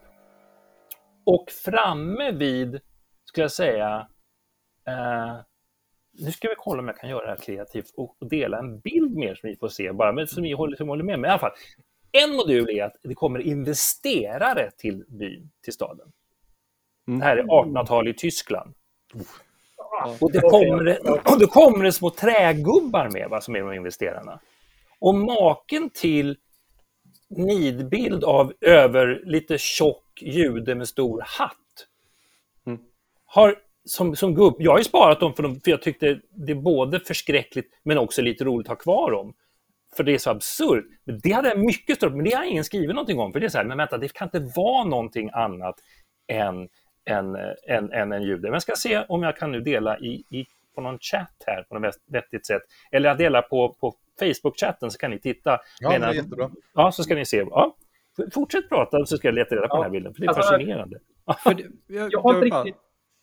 Ja, Eh, Martin, hoppa in. Ja, för jag tänker det här med att lägga in disclaimer i början av ett regelhäfte, det känns ju ändå som Euro-klassikern Safe Word. Lite Ja, jo. sådär. sådär bara, vi kan ta vad som helst, bara vi skriver att vi inte menar det i början. Det är lite som när Mm. min tyska kompis försöker förstå att vi säger förlåt till varandra, för han tycker aldrig vi svenskar menar det, utan vi bara säger förlåt och så är alla nöjda och glada och går därifrån. Sen gör vi om exakt samma misstag en vecka senare ändå. Och så säger Ja. man bara förlåt igen. Om vi ens säger förlåt, svenska experter säga hoppsan eller oj då. Ja, sant. man snubblar på någon så man oj. Och då blir alltså amerikaner blir så här, vad håller du på med? Ja, men jag sa ju för oj. Men oj inte ursäkta. Ja, Fast å andra sidan så ber amerikaner väldigt ofta om ursäkt väldigt mycket. Ja. Ganska små saker. Så det är, ja, jo, lite, eh, lite delad kultur. Jag har, om, om vi går tillbaka till Golem-spelet, så ja. vet jag inte riktigt om Golem egentligen har så där jättemycket med spelet att göra. Det har väldigt mycket med judisk kultur att göra resten utav spelet. Men just Golem, Golem är ju... Eh, Rabilov, eller Löv, eh, byggde ju den här för att skydda Prag. För att Mm. Prag, eh, eller ja, delar av Prag an, eh, anklagade judarna för att döda spädbarn och blanda blodet med bröd. Eller göra bröd av blodet. Eh, vilket är jättefel för att ett, vi får inte, vi får inte skada någon egentligen. Eh, och vi får absolut inte dricka blod. Eller äta blod. Överhuvudtaget. Så det är liksom sådär bara jättefel. Men för att skydda eh, gettot i, i Prag så byggde han den här golemen. Och enligt historien, det finns ju massa olika historier om att det är i Prag, det är Schelm som är en annan, eller en liten stertil eh, som eh, Stettel, nej vad heter det? Stettel, en liten by. Ja, precis. Ett judiskt samhälle utanför staden. Eh, och sådär. Eh, och Gollemen är alltså, han är trög, han är dum, han är enfaldig. Det finns historier om att eh, han, eh, Rabbi Löv eller någon annan rabbi som gör det här, eh, bad honom att hämta, hämta ved. Eh, och han hugger ner hela skogen för att han, Ah. det var ingen som sa till honom att stoppa. Nej, precis. Han blir ju farlig för att han, inte, han är Ja. dum i huvudet. Men det är som det moderna skräckscenariot med super-AI typ. Ja, vilket är lite roligt för att i en av de här dokumentärerna som jag kollade på på Youtube nu innan drog de upp just AI som en golem. Eller robotar som en golem. Mm. I och med att det är hjärndöda robotar, vilket golem faktiskt är. Eh, Ja. Och det finns massa sådana andra saker som att han skulle hämta vatten och då fyller han hela synagogan med vatten en meter djupt. För att han, det var ingen som sa till honom hur mycket vatten. Eller hämta trä, ja då rycker han upp trädet med rötterna och bär in hela trädet i synagogan. Eh, så, och det finns också en historia om att golem bara växer och växer eh, i storlek. Så att den liksom håller på att kväva staden, eller skulle kunna kväva staden. Och det är därför man måste stänga av den. Men jag ser ingenting av det här i spelet egentligen. Nej. Av, eh, jo, Golem kanske hjälper till lite granna. Men inte sådär jättemycket. Eller? Men jag tänker, om eh, spelet bygger ju på att man kan gå från vänster till höger och det är tio steg eller vad det nu är. Ja. Ja, men det är Kan ungefär inte vara det. från höger för till vänster egentligen då? då? Ja, man kan ju tycka det. Det får inte bli för eh, svårt för vanliga kristna. Här. Nej, nej, nej. Det är. Nej, får, Jag bara dummar mig. får Fortsätt. tänka på Ja. oss ateister som inte riktigt orkar förstå sig på sånt där. Det är också en annan grej som vi kan prata om sen. Man behöver inte vara så troende på vad jude, men strunt i det. Nej. Men i alla fall, och går, man, går man för långt åt höger då börjar man ju få minuspoäng och det är väl det som symboliserar nackdelen med att den löper amok då. Så att för ja. varje steg den inte kan gå får du fem minuspoäng och det vad vann du på sist Erik, 116 poäng. 175. 175, ja och du ska gå typ 10 på slutet mellan 5 och 10 steg. Den så är det så, det, det är inte så farligt för man, man får tillbaka de vinstpoängen. Jag tycker att om man ska liksom rent som Erik är inne på, här, liksom kritisera spelet för svag implementering av temat så tycker jag han har helt rätt. Alltså, Ja. Det fanns ju mycket av den här historien som man hade kunnat haft med. Till exempel att... Just Som jag- Golemen vill jag påpeka här. Ja, Inte men, nej, men med det Men just, som till exempel beskriver här om att, som jag förstår det, är ju, det är inte Golemens fel, utan skulden ligger ju på den som försöker programmera den, eller styra ja. den. Mm. Och att det, den delen i spelet hade varit, man hade kunnat bli mer straffad, tycker jag, i spelet. Det hade kunnat vara mycket elakare och oskönare. Alltså att man verkligen kunde tappa, gå i fördärvet. Det går inte att göra nu riktigt. Nej. Men det är, det är väldigt smidigt att döda av den. Är inte det lite modernt euro också? Att du inte ska jo. kunna tabba dig för hårt för då spelar inte folk dina spel. Ja, Luciani gjorde ju Barrage innan. Det är ju ett av de hårdaste spelen jag har spelat. Jag vet inte om ni andra har spelat eh, Barrage. Det är ju... Ja, just det. Barrage, ja. Precis. Ja, fruktansvärt. Mm, Men där är det också svårt att göra så att du får supermycket minuspoäng. Du kan bara göra så att du inte får några poäng. Ja, resten av spelet från Tourette. Ja, jo. Ja, jo, jo. Ja, men lite stora minuspoäng hade ju varit bra. Men Erik, när du sa här liksom det, eh, vad ska man säga, judiska kulturen, vad, mm. vad du tänkte på då? Alltså grejen är att eh, Prag hade en väldigt, väldigt stark judisk, eh, ett väldigt starkt judiskt getto eh, och det upplevdes väldigt länge eh, som att de levde väldigt, väldigt bra sida vid sida med resten av befolkningen. Eh, och alltså Prag har ju nästan varit invaderad av turkarna också. Så det, ja. det har varit ganska mycket eh, kulturella utbyten. Mm. Men eh, på 1500-talet har jag lite dålig koll på just Prag. Jag har väldigt bra koll på resten av Tyskland. Och, eh, beroende lite på hur Prag räknas under den här perioden. Eh, men det är för att jag är medeltidsreenaktare och tycker om eh, tyska landsknektar på 1520. Det är bara en, en liten sak det jag menar med resten av spelet är att de hade ett väldigt starkt samhälle och ett sånt starkt samhälle som är ganska chassidistiskt, som jag mm. förstod det, alltså väldigt rättroende och väldigt ortodoxt. De har också mycket gästgivor, det vill säga skolor. Och skolor studerar man, vilket ah. där kommer in det här med att samla böcker och eh, att få kombinationer i spelet med just de här böckerna eller med studenterna som går och samlar böcker. Det är uh, väldigt, väldigt judiskt och det är extremt mm. judiskt att studera. Jag har ju alltid fått det här inpräntat i mig att man alltid ska studera och det fick jag redan från min barnsben. Så Just det kanske var en sån. Men det är väldigt, väldigt judiskt. Som, och det sägs att man alltid ska lära sig något nytt. Just det, den som inte ökar sitt kunnande minskar det. Nu har jag skickat en bild till er. Hoppas den har kommit fram. Ja, det har den. Det är jag som har tagit kort på dem. Ni zoomar in på de här gubbarna. Oj. Ja, det, ja. ja, det där är det.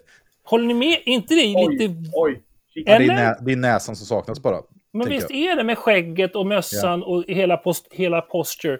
Det ja. där kan vi snacka om att det blir så här. Och ingen har pratat om det. Jag säger, är det jag som är dum i huvudet? Men jag tycker det är väldigt så här. Och de är de, är de stora bankirerna, investerarna. Så här. Snacka nidbildsproblematik. Ja. Ja. ja. Okay. ja. ja. jag håller med Alexander. Det var väldigt, väldigt in your face för oss judar. ja, men... Men, men finns det inget sån här drama i det här spelet? För jag tänker sig bara alla de här som skriver, liksom, jag läste någon person igår som skrev, när han satt betygen sexa på spelet, sagt så här, ja spelet är superintressant men jag kan inte ha det framme som min släkt ser det, för då får jag skämmas. Och så men varför jag då? Jag fattar ja, inte. Nej, nej men du, du, frågar fel person. Nej, nej, jag, okay, jag är okay, här för den. ja, och då säger vi, att vi, jag tycker det är roligt, alltså det, det är väl överkänsliga amerikaner på ett sätt. Eller jag vet inte. Jag, amerikaner har också blivit extremt överkänsliga för allt vad kulturell appropriering heter, så de kan inte göra någonting längre om man ska vara lite elak. Alltså här, man kan inte, det blir problematiskt om inte vi kan diskutera annat än det vi själva är, så kan vi inte prata med någon längre. Jag vill inte att vi ska kasta skit här på och generalisera alla amerikaner, men jag ska, läsa, jag ska läsa det här omdömet som ja. råkar vara från en person från USA. Ja, nudge, nudge, nudge, nudge, hint, hint. Ja.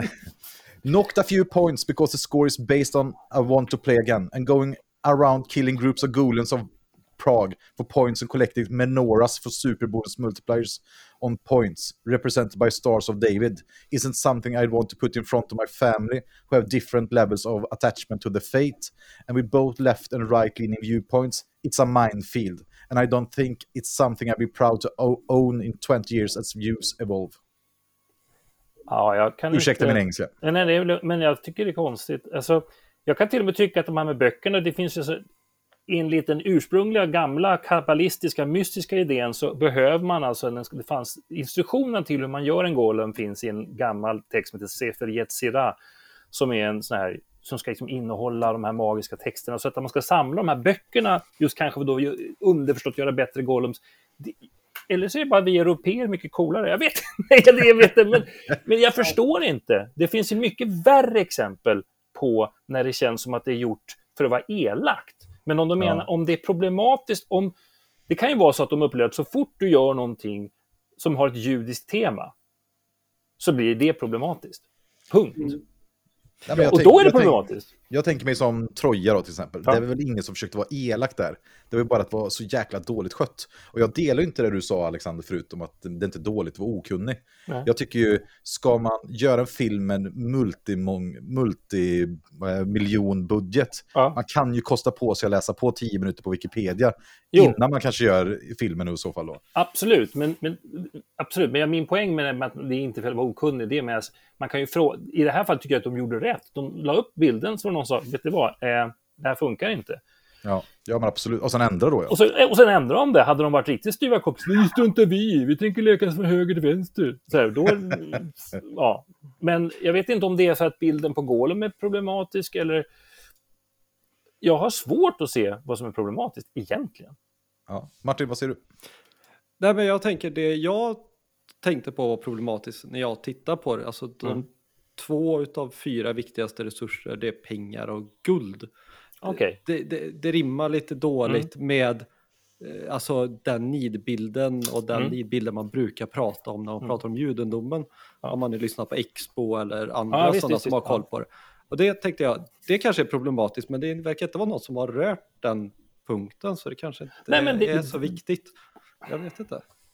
Fast det, det okej, okay jag håller inte med, men dels är det så fall mycket mer problematiskt, inte att de går runt och samlar menoror. Jo, alltså, ska man vara på det humöret så är menora fel sak att samla på, för det har vi inte längre på det sättet. Judendomen...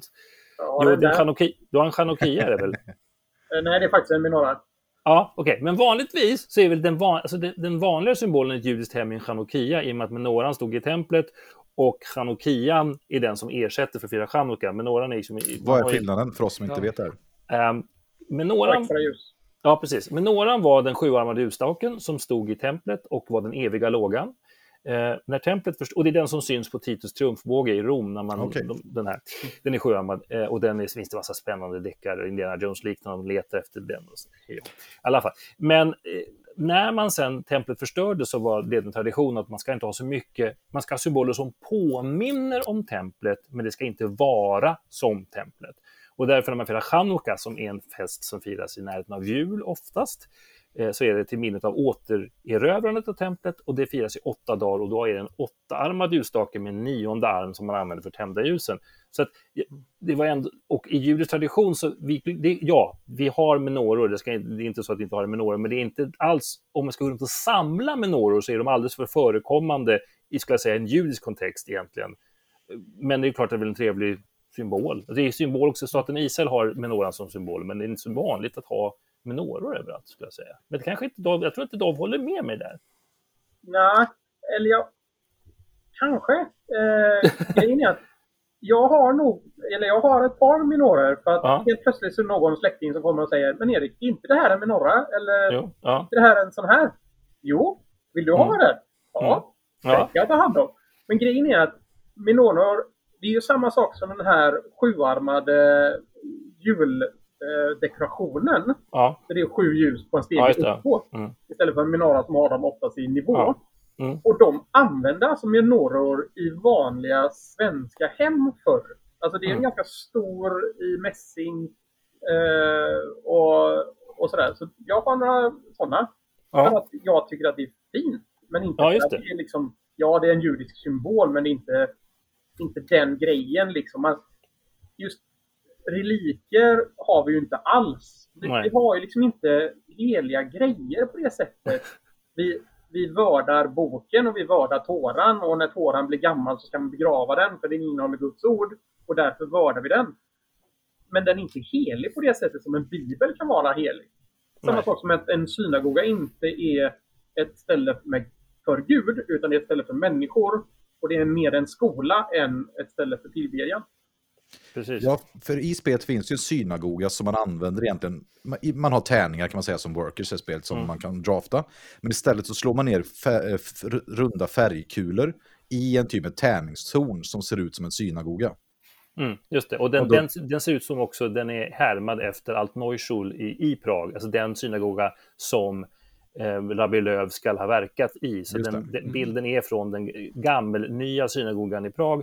Och det är också faktiskt, apropå det som Erik sa om att man begraver, begraver böcker, ska man alltså antingen begrava dem eller ha dem i en så kallad gnisa som är ett, ett, ett rum för gamla uttjänta böcker. Och det fanns på vinden och enligt legenden så är det på den vinden bland de här böckerna som lerhögen av Golem är, är kvar mm. i just den här synagogan. Så det har de ju fått till lite tjusigt. Okej då då, är det det de är upprörda över, att man använder, ett, eh, att man använder synagogan som ett dice tower? Jag vet inte. alltså, ja, varför? Det verkar, det verkar ju rätt påklistrat får man ändå säga. Ja. För jag menar, funktionen som ni beskriver om synagoga verkar ju inte ha så mycket med de här Nej. runda färgklickarna som man kastar ner i inte genom alls. taket. Nej. Och man kanske kunde, det kanske kunde ha varit en byggnad för spelarpjäsen att gå in i eller någonting istället. Eller vad vet jag, man kanske kunde ha gjort bättre sätt eller någonting. Jag vet, jag vet inte. Jag kan ändå förstå varför de använder en synagoga. För synagogor är oftast ganska höga. Alltså de har oftast flera våningar. Och det är en helt annan historia varför de har det. Men då får man ju ett, ett Dice Tower. Och, alltså Göteborgs eh, synagoga, det är ju ett, som ett torn. Mm. Fast i fyra våningar. Men det är väldigt fyrkantigt. Mm. Så ja, varför inte? Ja, Martin, vad säger du? Nej, men jag klär på det. Tycker, alltså, för vi kände ju att uh, vi ska inte försöka representera några vi inte är. Vi har ju våra egna idiotiska tankar om massa olika saker som vi kan stå bakom. Mm. Det här kunde vi inte stå bakom. Nej. Vi har alldeles för dålig kunskap. Så här. Men tycker ni det är bra att det blir en mer populärkulturaktig sak att det här kan dyka upp hemma hos vem som helst så man får chansen att få lite mer kunskap om någonting. För jag tänker, det är ju ändå en eh, specifik sak med Golem, men det kan ju väcka ett intresse, framförallt bland ja, yngre tänker jag, att man får ett annat ingång i någonting. Kunskap, alltså jag kan ju aldrig säga nej till kunskap. Tycker nej, jag. Nej. Det går ju inte. Eh, och, liksom, och, och, och, det är väl så att, och sen så, Alltså jag tycker det här är mycket, alltså igen, nu jämför jag med ett spel som jag spoilat här med de här, som ni såg när jag visade, jag visade den här bilden från, mm. från My City. Det här är mycket mer smakfullt gjort än vad My City var. My City var problematiskt på ett, på ett mm. riktigt sätt och det är mm. inte ens kommenterat. Så att antingen folk inte... Och det, så att det finns ju andra spel där som det har varit lite diskussioner. Till exempel, kommer du ihåg Imperial? Ja, vi, eh, det spelar vi faktiskt samtidigt just nu. McGarretts Imperial. Ja, där har ju folk, folk menat att, att är det inte så att det är den internationella judenheten som styr världen som köper och säljer krig? Liksom. Mm. Sådana diskussioner mm. har gått. Jag vill inte, jag, jag tycker det är, är, kan vara en stretch, men jag menar, där har jag mycket mer i så fall, ett, för om du har ett tematiskt eh, kapitalist problematisk yeah. tematik som är mycket mer jobbig att diskutera. Här handlar det om en... Man försöker göra någonting bra, man försöker bygga... Alltså det är inget, man gör inget ondskefullt med golemsen. Nej, för jag såg ju på det lite som, min totala icke-allmänbildning om det här, att jag såg det lite som att Age of Steam kom med en karta över stället man kommer ifrån. Ja. Man bara, ja men vad kul, jag får spela med de här städerna där jag liksom mm. kan och få dra räls mellan eh, Skövde och Karlsborg eller ja, vad visst. det skulle vara. Mm. Alltså, ja okej, okay. ja, de har lagt Vättern här lite fel, Jo verkar ligga på fel ställe. Ja, mm. jag blir lite förbannad att Karlsborg är mindre än Jo. Det är kast liksom. Det är ändå Nemes i staden liksom. Ja. Men, men, men liksom på den nivån hade det varit för mig. Men jag är inte troende. Men, men jag hade, tror jag, landat liksom, som ni säger. Det är rätt Får man använda ordet fräckt, då blir man helt plötsligt 50 år extra gammal. Men liksom att, det är ju fräckt. Ja. Det, är, det, är lite fräckt liksom. Jag menar, alla de här fancy-temana och alla andra som vi haft så många gånger i den settingen. Man kan börja klistra på lite andra typer av saker. som Varför inte mm. lite religion? Jag menar, kan det inte komma ett eh, islamskt spel? Ja, fast för då ska Erik säga någonting om troende tror jag. Uh, nej, alltså jag skulle mera säga att jag är en av de här som faktiskt skulle vilja äga det här och ge det till mitt kommande barn. Nu har jag inga barn. Men liksom Nej. så här, här, spela det här när du är tillräckligt gammal. Vill du lära dig mer om Gollemen så har jag hur mycket som helst. Mm. Eh, alltså, det finns ett X-Files avsnitt som faktiskt är ganska bra. Eh, men de har också lite fel. De har döpt eh, Gollemen till Isak Luria. Och Isak Luria var han som gjorde Sefi eh, Hasira. Som mm. Alexander nämnde förut. Så det är bara så här, ja jo men här har de använt det sådana saker. Men de har ändå gjort ett Gollum-avsnitt. Och, och liksom så här, det finns massa böcker att läsa om det här. Eller det finns filmer och det finns så här. Jag skulle vara stolt av att äga det här. Ja. Jag ser liksom inte kontroversen. Men jag, nu, nu ska jag lansera en fräck, en fräck teori. nej men, eh, nej men, så här, jag, jag tror att det oftast är så att om du kan lite men inte nog så blir man lätt nervös. Man tycker att, alltså om jag känner mig trygg i min identitet, om jag känner mig trygg i min judendom, och det som det diskuteras är ganska avslappnat och, och, och just inte är ett problematiskt, alltså, det som är skildrat är ganska oproblematiskt, och lite spännande och jag kan känna igen det. Om jag känner mig trygg med det, då behöver jag inte bli upprörd. Men om, om jag är liksom femte generationen ganska assimilerad jude och vet att det här borde vara viktigt, då kanske jag blir mycket, mycket mer nervös, därför jag är inte speciellt trygg i min egen identitet och då slår jag åt alla håll som jag kan. Därför att, jag menar, och sen, sen också det här, judar, judendom har ju också till skillnad från tror jag, islam och kristendom så tror jag det är lättare på sätt och vis att göra spel om judendomen, därför vi har inte troskravet. Judendom är någonting man gör, man utövar. Det är till och med så att Talmud, vår centrala text som, som diskuterar hur man ska förstå den Bibeln och så, där citeras Gud som sägandes mina barn får gärna glömma mig så länge de är bra människor. Mm, så det är viktigt. Ja, men, så det är inte viktigt att vi tror, det är viktigt att vi gör bra saker. Om vi sen mm. tror det är en bok kanske ibland, jag vet inte. Det är som vad är det Groucho Marx säger, these are my principles. If you don't like them, I have others. Att man måste kunna anpassa sig och ta det lugnt med det. Men, men så jag håller med. Ska däremot tipsa om en bra Golem-grej ska ni läsa Terry Pratchetts Feet of Clay. Ah. I, I Discworld-världen så finns det ja. en bok som handlar om Golem helt magisk. Den är helt fantastisk. Jag skrev en, så här, det finns en tidning som heter Judisk krönika som ges ut eh, fyra nummer om året som går, finns lite överallt. Um, där skrev jag en lite boktips så som bokhandlare är och då sa jag just som judiska teman, ju, boktips med judiska teman. Uh, och där är Terry Pratchetts Feet Han var inte jud, Terry Pratchett, men han har precis förstått den här, det handlar om en grupp golems i Discworld. Mm. Mm fantastiskt. Feet of Clay, om ni inte har läst den så har ni någonting fantastiskt framför er. Jätte, mm. jättebra är det. Och då menar jag, kan man göra så, så fine. Det är ingen som går runt. Hade spelet hetat, hade spelet hetat Golem, The Terror of the Jews. Mm. Och sen så hade det handlat om hur judarna försökte erövra Prag och sen döda alla med sina golems. Då hade vi haft ett problem. Ja, det är en viss skillnad får man ju säga. Och eh, jag har inte så mycket mer att tillägga till det här. Jag tycker det har varit jättekul att ha er här. Jag undrar om ni själva har något att tillägga, eller Martin har något att tillägga, för att få avsluta med ett boktips och ett citat. Vet jag inte om vi kan slå. Nej, jag är bara jätteglad att ni faktiskt tog er tid och ville ställa upp. Ehm, jag har några tips till. Det finns en, en israelisk film som är eh, på engelska faktiskt eh, som heter The Golem, eh, gjordes 2018. Eh, I det här fallet så handlar det om en kvinna som gör en golem. Mm. Men, och det finns historier om det också. Eh, om, och det, det, är lite olika hur, hur det berättas och vem som gör vad och sånt. Ibland så är det tio rättrogna män och ibland så är det oskulder och, och sådär. Eh, och sen så är det det här då X-Files avsnittet. Jag som är X-Files-fan eh, tyckte jag att det vilken, här var... Vilken säsong? Eh, det är säsong fyra eller fem. Okej. Okay. okay. Så man vet var man ska leta ungefär? Ja. Eh, vill man då veta mer om just själva Gollum eh, och vill lyssna på Youtube-grejer så finns det en kille som heter Jakob Geller. Eh, han recenserar eh, skräckspel på datorn annars. Eh, men han har gjort en eh, just om Gollem.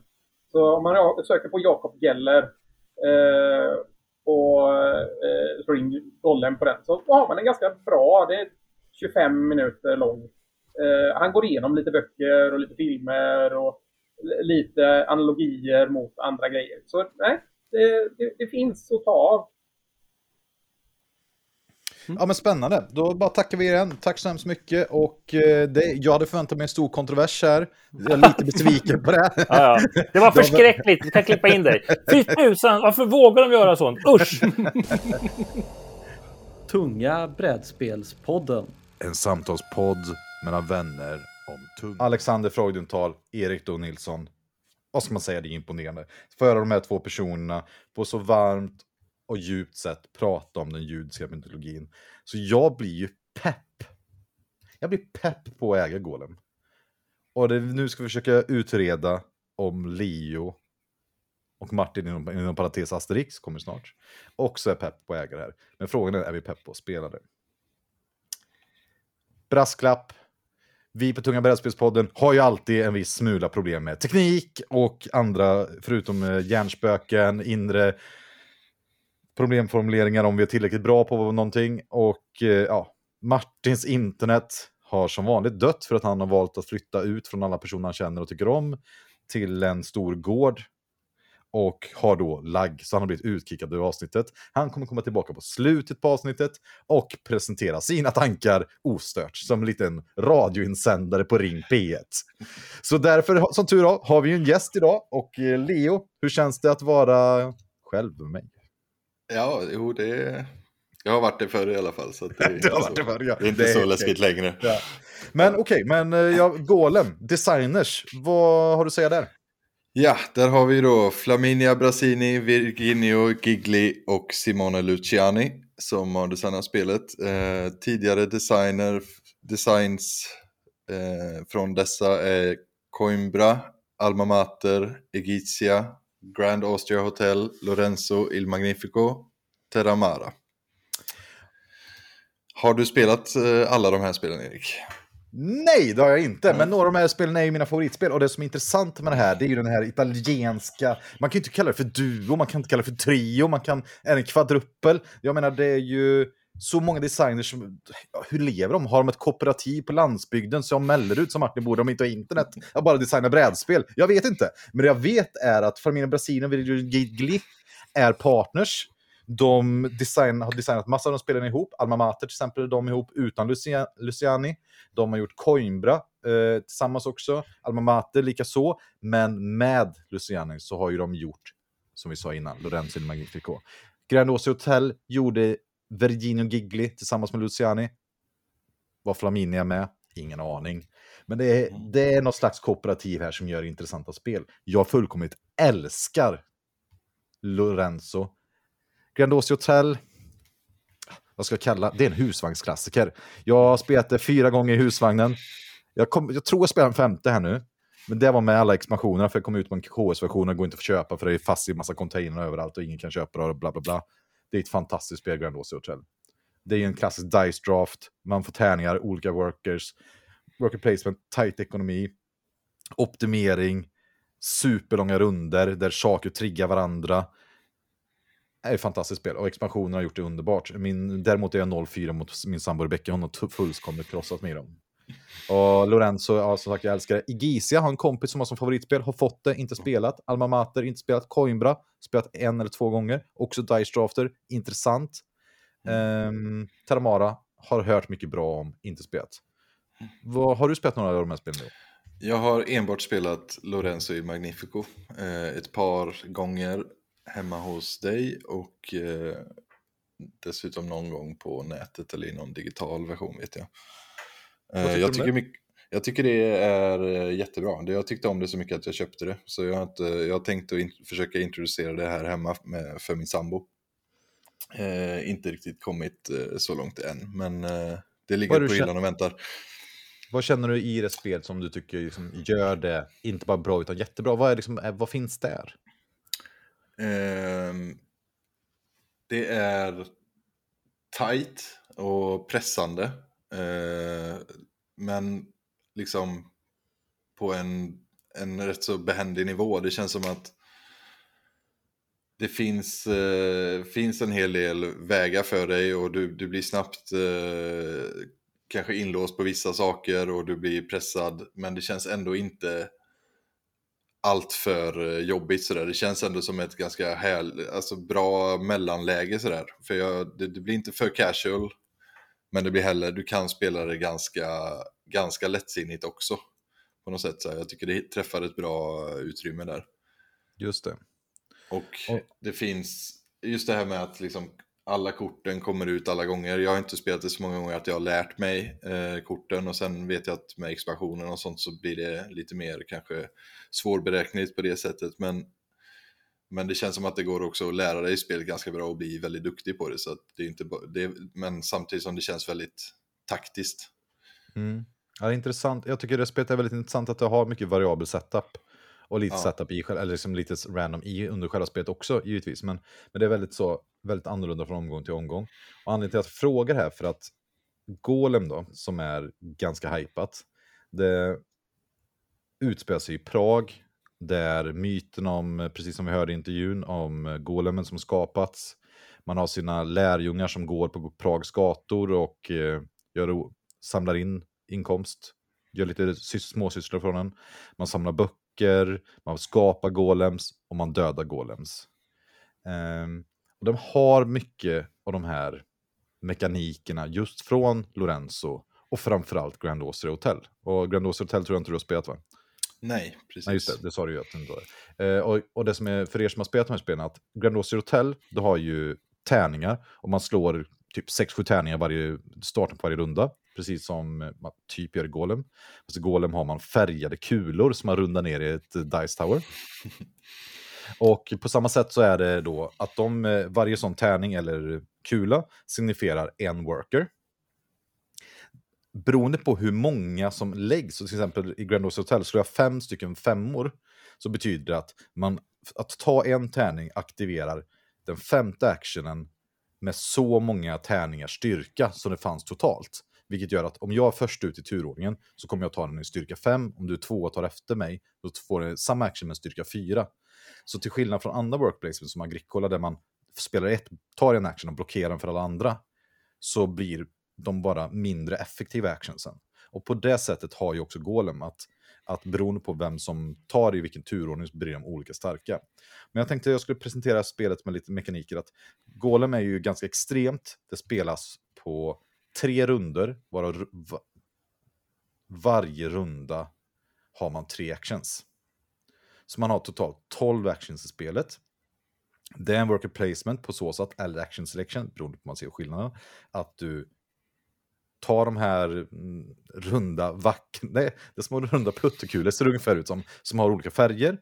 Och färgen i sin tur aktiverar en endgame-bonus på den rundan. Eller round end-round bonus får man kalla det kanske. Mm. Eh, och i sin tur sen, beroende på vilken ra eh, rad du tog den ifrån, så gör det en viss action. Och den action i sin tur så har ett spelarbräde som man har gemensamt. Där har man sina golems som går runt och gör olika actions. Och man har sina lärjungar som går runt och kan samla resurser och få poäng.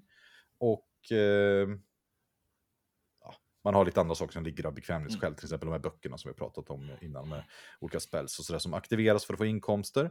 Och en tur går till är att man helt enkelt i sin tur antingen väljer att ta en av de här kulorna eller så har man en ra rab rabbi, jag vet inte hur jag uttalar på svenska, rabbi, eh, som, har, som en annan typ av worker. Så man har en rabbi-action och två sådana här kul-actions. Kulorna tar man då från den som vi pratade om med Alexander och Erik innan, eh, från synagogan och rabbin ställer man som i sin tur påverkar spelarturordningen. Låter det här rörigt, eh, Leo? ja. Ja, hur rörigt det... tycker du det är att komma till brädet och spela det här? Uh, ja, precis. Jag, jag, tycker att det på något sätt är lite bedrägligt eh, rörigt spelet. Att det, det är ganska fint och enkelt nedbrutet, just de här uh, 12 actionsen man har. Det är liksom, och du ser tydligt att tar kulan på det här spåret så får jag göra den här actionen med den här styrkan. Eh, sen leder ju det då till en kedja av saker i bästa fall, för man vill gärna då att man ska ta någonting så man får flytta någonting dit och göra någonting där. Eh, som leder till att jag får en bonus här och så vidare. När man bygger upp sin motor så bygger man upp de här uh, kedjorna av kombos liksom. Kan, kan inte du bara försöka beskriva en sån här kedja ungefär, hur, liksom, hur, hur processen ser ut, så man kan få liksom en känsla av hur en sån här kedja skulle kunna vara? Ja, jag kan försöka. Och då är det typ att jag tittar, ja men vilka rader ligger det många kulor i? Eh, vilken, eh, vilken färg jag är ute efter. För jag Och varför är titta- färg viktig? Eh, Den kan vara viktig för att jag vill ha en end of round bonus som jag får om jag har plockat två specifika färger. Där den vita kulan är wild då, så en vit kula kan alltid vara, då kan man alltid få den här eh, bonusen sen då. Men sen är färgen också viktig för att beroende på vilken färg jag tar så får jag flytta en lärjunge ett steg framåt på eh, det här spelarbrädet. Den tracken ja.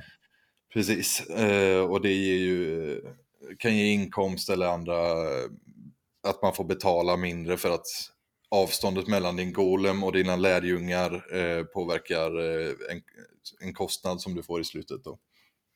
Eh, så det finns, ja, där är ju några bitar bara, vilken färg och eh, jag vill gärna ta från en rad där det finns många kulor. Och sen tittar man då på vilka, vilka actions som ligger på respektive rad. Eh, för där handlar det om vad, vad får jag göra, eh, får jag köpa nya böcker till mitt eh, spelarbräde och bygga ut min motor på en av de här, man kan väl säga att spelarbrädet är uppdelat i tre stycken där du har liksom tre olika delar av, eh, eller tre olika, nästan, nästan Mm. Olika separata tracks, mot, motordelar. Ja, precis som du kan bygga upp så att du får till de här eh, kombinationerna att ja, men där, då kanske jag har lagt till, byggt upp en artefakt där att om jag tar en blå kula då får jag dessutom den här inkomstbonusen för jag har uppgraderat de blåa kulorna eller min artefakt på det sättet att jag får trigga den när jag tar en blå kula.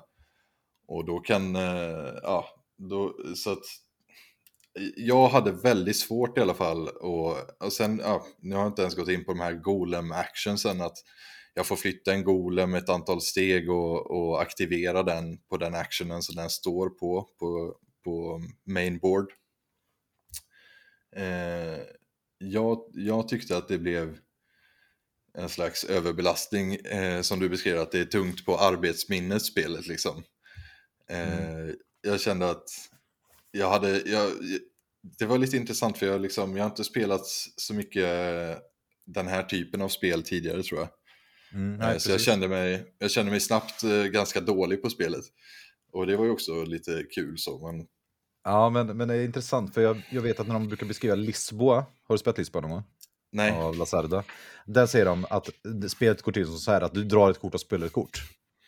Men, men det är ju precis som det är, man ser att det är 12 actions, men varje actions, det är bara egentligen titta på den här rutan. Som en golem-actionen i spelet, det är ju få tegel utifrån hur, man, hur många kulor ligger på samma rad. Gör en uppgradering av dina golems-actions. Och de i sin tur, beroende på vilken uppgradering du väljer, triggar direkt att en av dina golems aktiveras eller att de händer något annat som påverkar just den action du ska göra. Sen bygger du en golem och den, beroende på vilken uppgradering du har, går att aktiveras direkt. Och den aktiveringen i sin tur då kanske skapar att du får bygga en till golem som startar om den här kedjan och går ut och gör någonting som... Och till exempel när vi pratar om de här böckerna, där böckerna är någon slags resursgrej i på ditt spelartablå. Och eh, man har golems, man har artefakter och man har böcker kan man säga. Och vill man vara taskig mot spelet kan man säga att det är tre olika tracks. Blå track, brun track och gul track kan man säga. Men de då påverkas av de här färgerna och separeras väldigt kraftigt. Att eh, precis som Lorenzo har eh, gröna kort, lila kort, blåa kort och eh, gula kort kanske. Så, ja, men så här, ska man vara på landsbygden, ska man vara med militären eller vad ska man göra? Så har den här då att man skapar golems, man har böcker eller så har man pengar och artefakter kan man säga. Och just att kollar man till exempel sådana actions som artefakt-actionen, då är det du får pengar rätt efter tärningen, du ska ha rätt färg, du får göra en upgrade som också sen påverkar dina artefakter, vilket som blir, påverkar alla dina tärningar till exempel. Varje gång du tar en blå kula så får du vad du nu har byggt ihop för någon motor där borta på sidan. Mm. Så det är ju verkligen sådär, det, det okej, 12 actions, ja, men varje action är 3-4 actions samtidigt kan man säga. Mm. Skulle man vara riktigt taskig skulle man kunna säga så här att ja, du gör tre actions, men du gör tre actions på, på rad. Sen är Mm. nästa spelares tur. Mm. Jo, det blev långa turer när vi spelade, blev det ju ofta. Och ändå kände jag att det var svårt att ha tid att överblicka vad är egentligen mina valmöjligheter här? För Ja. att jag tyckte att det, det tog för lång tid för mig att jobba igenom de här möjliga kedjorna som kunde utlösas av varje action. Eh, så jag fastnar nog lite på de tidigare stadierna och tittar vad behöver jag eh, rakt från, från tracket och inte kanske alltid inse att okej, okay, om jag går dit istället så får jag också en sån eh, bonus där för att då kan jag lägga den här, flytta fram den här golven och lägga den ner där så att ja, just, just att se de här långa kombinationerna av, eh, kände, av det, det var lite överväldigande för mig liksom. Och jag, det fick mig att tänka lite så på så här, hur, hur bra är jag på att metodiskt skanna av ett spel liksom. Och så här, mm. För det har, jag tänkt, det har jag också kommit in på förut med och jag tänker på hur, hur folk gör det, liksom, att kollar, kollar alla alltid av sina, alla sina valmöjligheter innan man Just gör ett drag. Men vilket spel tycker du påminner mest om det som du fått en känsla av kanske innan? Något? Har du gjort spelat något Alltså, mm, ja, jag tyckte ju inte direkt, alltså jag såg ju spår av Lorenzo liksom i ja. vissa bitar, just det här med hur man kan bygga upp tre delar av en motor liksom, eller så här, med de här olika tracksen och eh, eh, ja, nej men annars så tyckte jag att det var just, just det här att du hade så få main actions och det, det, det jag har inte spelat så mycket spel där det är så, nej, så komprimerat. Det känns nytt för er helt enkelt. För, mm. och jag, nej men jag, jag, jag håller ju väldigt mycket med här. Jag ska prata lite sen här tänkte jag. Men, men vad tycker du finns för några intressanta mekaniker i det här spelet? Liksom, vad är det som, känner du, vad är det som är intressant med det här spelet? Om man, om man sådär, tycker du att den här, tycker den här, vad ska man kalla en action selection är att ta en kula? Att vi, för varje runda börjar med att man tar upp dem med näven, slår ner dem och så kommer de ner i olika högar. Känns det, det... för dig är det, är det bättre än bara som Agricola ställer ut en pjäs? Ta en grej och blockera den. Alltså, något, det var ju, gav ju något lite mer, men alltså, som vi pratade om också, att det, det kunde säkert lika gärna varit eh, tärningar. Eller liksom så här, det kändes också som en, en gimmick som vi inte vet hur, hur bra den egentligen var. För att vi insåg ju att om man lägger, man kan ju lätt se att man får verkligen skaka kulorna och hålla dem dolda för sig själv och, och försöka typ du försökte kasta dem hårt emot väggen på den här eh, ja. synagogan som rasar vid ett tillfälle också ner för att du med din teknik där eh, liksom eh, det, det kändes ju rätt mycket som en gimmick liksom, själva den biten. Sen själva att det, det, gav ju en funktion, men den kanske man hade kunnat eh, presentera i en annan form också liksom. För, där, för egentligen själva, i sin renhet så finns den här ju i Grand Auster Hotel. Men skulle mm. du säga att du föredrar det här att actionen blir bara gradvis sämre mot att den till exempel helt blockeras av? Eh, just det. Ja, men det kanske fanns någon eh, charm med det ändå. så. Det var ju väldigt viktigt med turordning och sen finns det också en passfunktion i det som eh, jag använde väldigt dåligt vid ett tillfälle och försökte få en röd kula på, på ett bättre ställe, istället tog de slut. Men det kändes som att det fanns, fanns en viss finess där i spelet och jag kanske inte dekodar det så himla bra heller, men, men eh... Ja, det kan vi säga så här att istället under ens tur, istället för att ta någon action, kan man säga så här pass. Och om då när alla har gjort färdigt eller de har passat så tar man, plockar man bort en kula ur poolen och sen slår man om dem. Så att liksom fördelningen ändras. Och det svåra här tycker jag är då att just den här rent fysiska saken med att slå de här tärningarna. Mm. Alltså, det är svårt att problemet är bara dels att du måste blanda dem i handen. Eh, men sen är grejen att eftersom om man inte har en extremt stor näve och kan lägga ut alla så har du liksom att beroende på vad, man kan säga så här att vad kan synagogen vara? 20 cm, 15? Ja, något sånt ja. Och, eh, och då, det, då vill ju du på något sätt hur gör du då? Håller du alla i näven och bara häller? Ja, då läggs, kommer de ju centrerat beroende på vad du håller i din hand.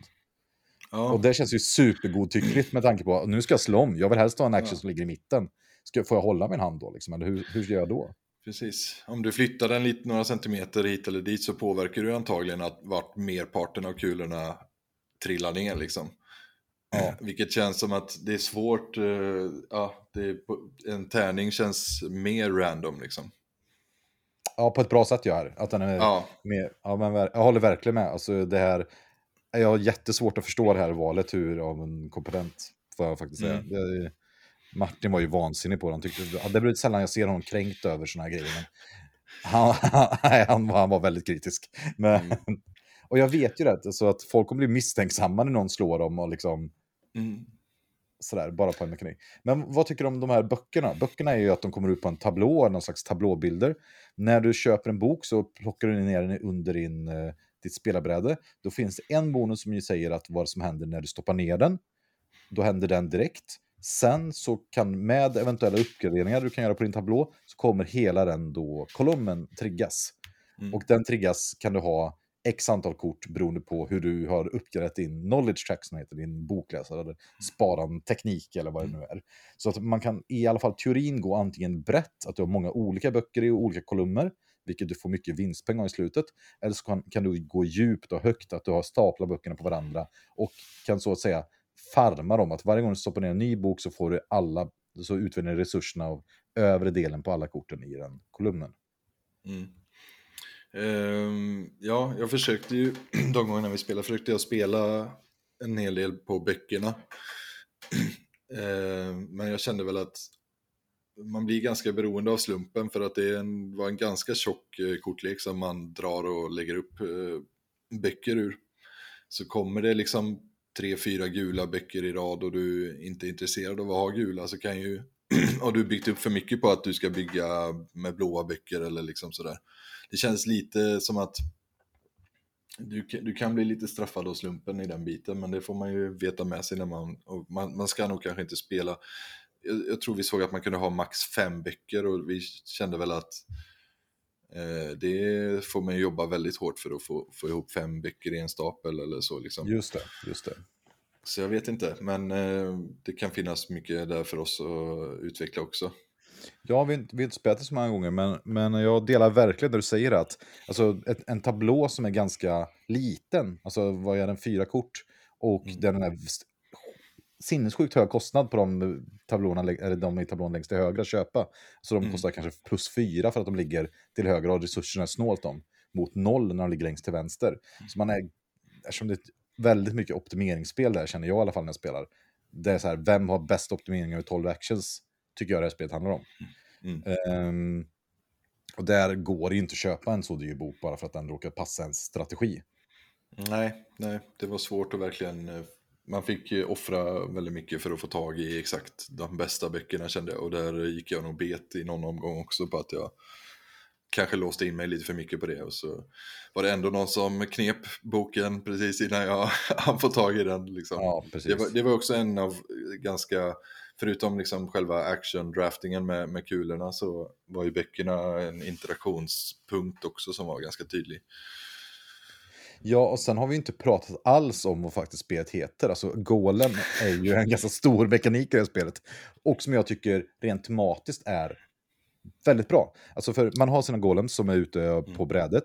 De ställer sig på actionrutor som du via en av actionsen aktiverar allihopa, ungefär. Och sen gör de massa actions. Men varje gång det blir en ny runda så går golemsen ut planlöst. Du kan, eller du kan på, du går själv, men de går jättelångt. De går jättemånga rutor. Och problemet är bara att de går för långt, förlorar VP och du kostar jättemycket av en resurs med knowledge i spelet att kontrollera dem. Så beror, man behöver ha sina lärjungar i närheten och det har man inte för de springer på liksom åtta steg medan lärjungen kanske går ett steg. Eh, Så de blir verkligen snabbt en eh, fara för dig och man blir skraj för vad som kommer hända med dem och man blir ganska straffad av dem.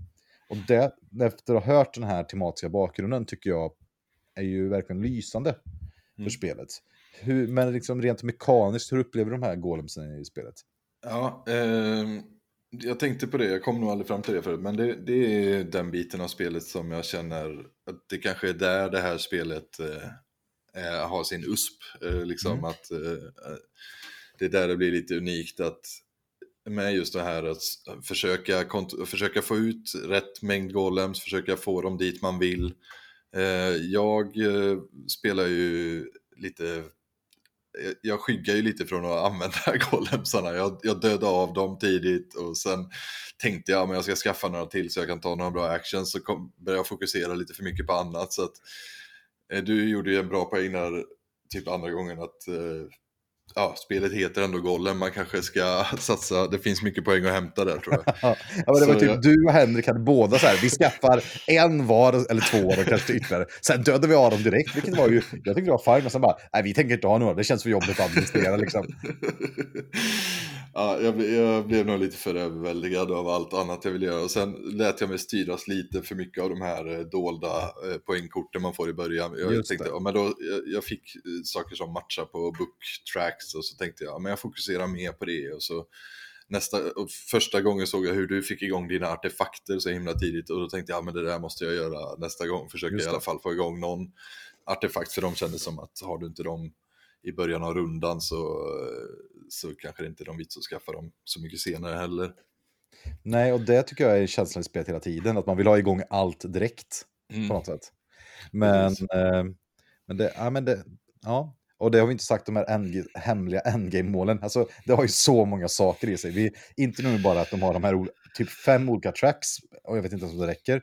Så har du ju då det här brädet med de här olika actions med golems och allt det där fram och tillbaka. Och passiv inkomst och en artefakt i passiv inkomst. Och sen har vi då de här hemliga målen. Och för er som har spelat Marco Polo, som Luciani har gjort med eh, Daniel Tassini, så känner ni igen er. Det man, I början av spelet så får man NG-mål.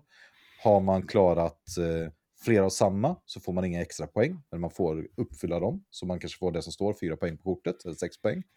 Men har man uppfyllt olika kategorier som är det i här spelet, eller olika resmål då, som det är i Marco Polo, då får man mer poäng för att man har klarat eh, flera olika. Alltså man har diversifierat sig. Och de här draftar man i början av spelet och har dolda. Och sen kan man få några nya sådär. Bara lite som en liten detalj i spelet på något sätt. Mm, mm. Eh, vad gillar du dem? Är de, tycker de tillför något eller har de lika gärna kunnat ta bort dem? Eh, de var ju, det känns som att eh, de var sköna att få i början för man, man fick en idé på en riktning. Sen att den eh, idén kanske fällde mig mer än vad den hjälpte mig i slutändan. För att det, jag tror inte det var så stor andel poäng, det var typ så här, fick runt kanske 10 poäng Ja, och vi landade mellan 100 någonting och 150 poäng kanske de första omgångarna vi spelade.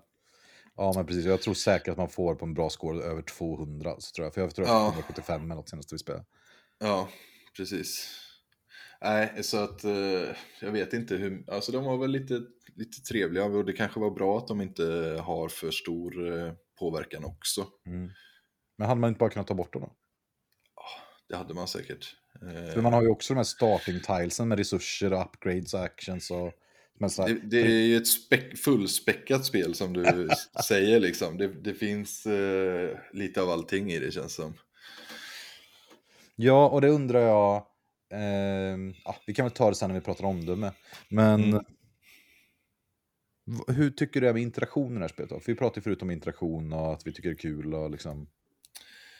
Ja, det kändes väl till största delen solitärt. Det är väl just eh, att få tag i eh, den kulan du vill.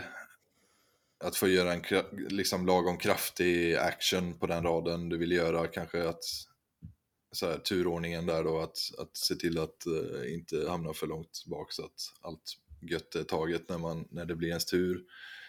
Eh, och böckerna, eh, att någon draftar en bok som man väldigt gärna vill ha för att den passar så bra in i ens bokhylla.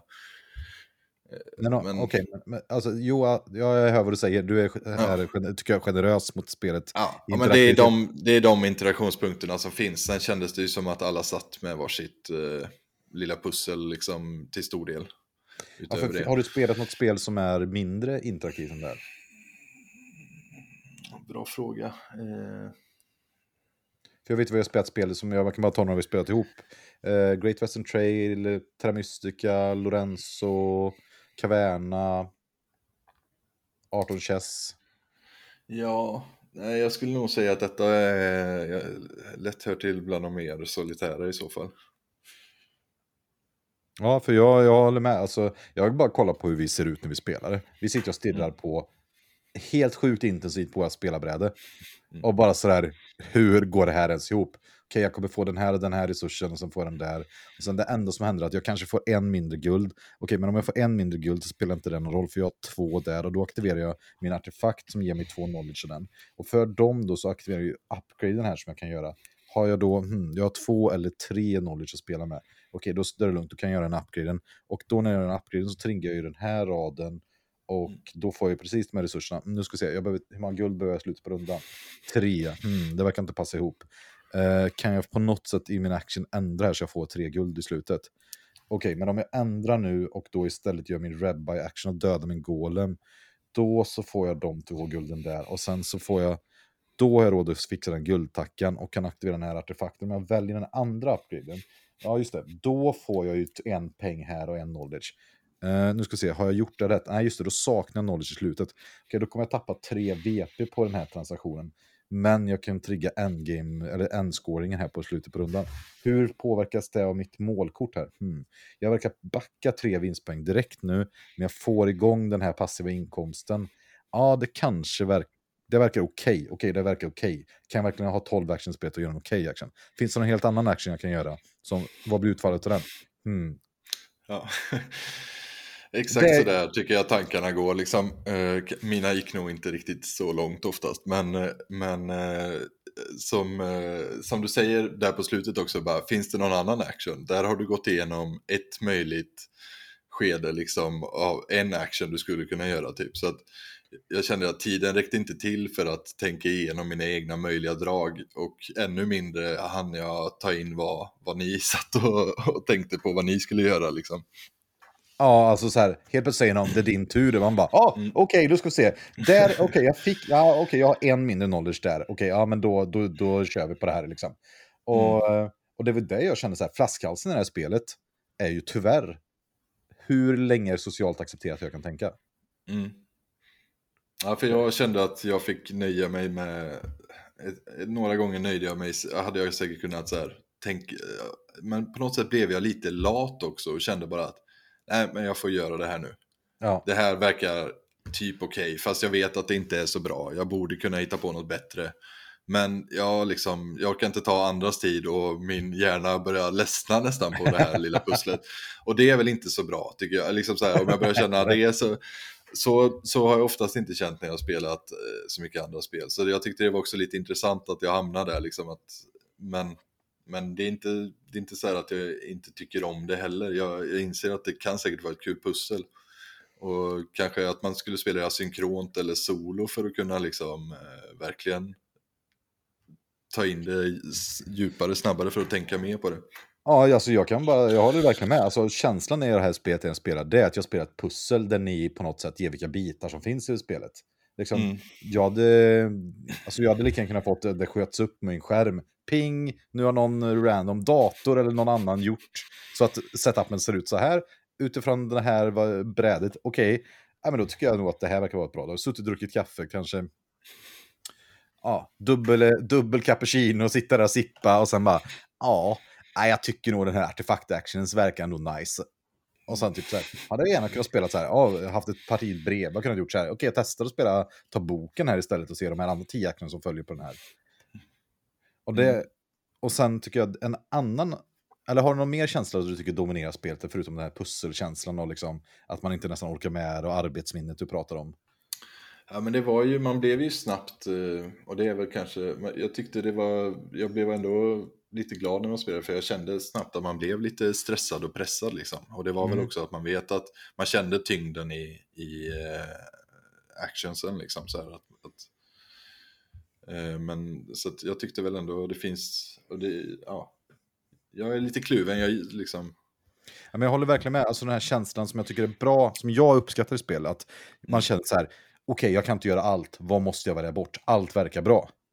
Mm och på något sätt, okej, okay, ni verkar göra de här grejerna, det spelar kanske inte jättestor roll, men nu får jag ett läge som öppnar sig att göra den här sista saken, eller vad det nu kan vara.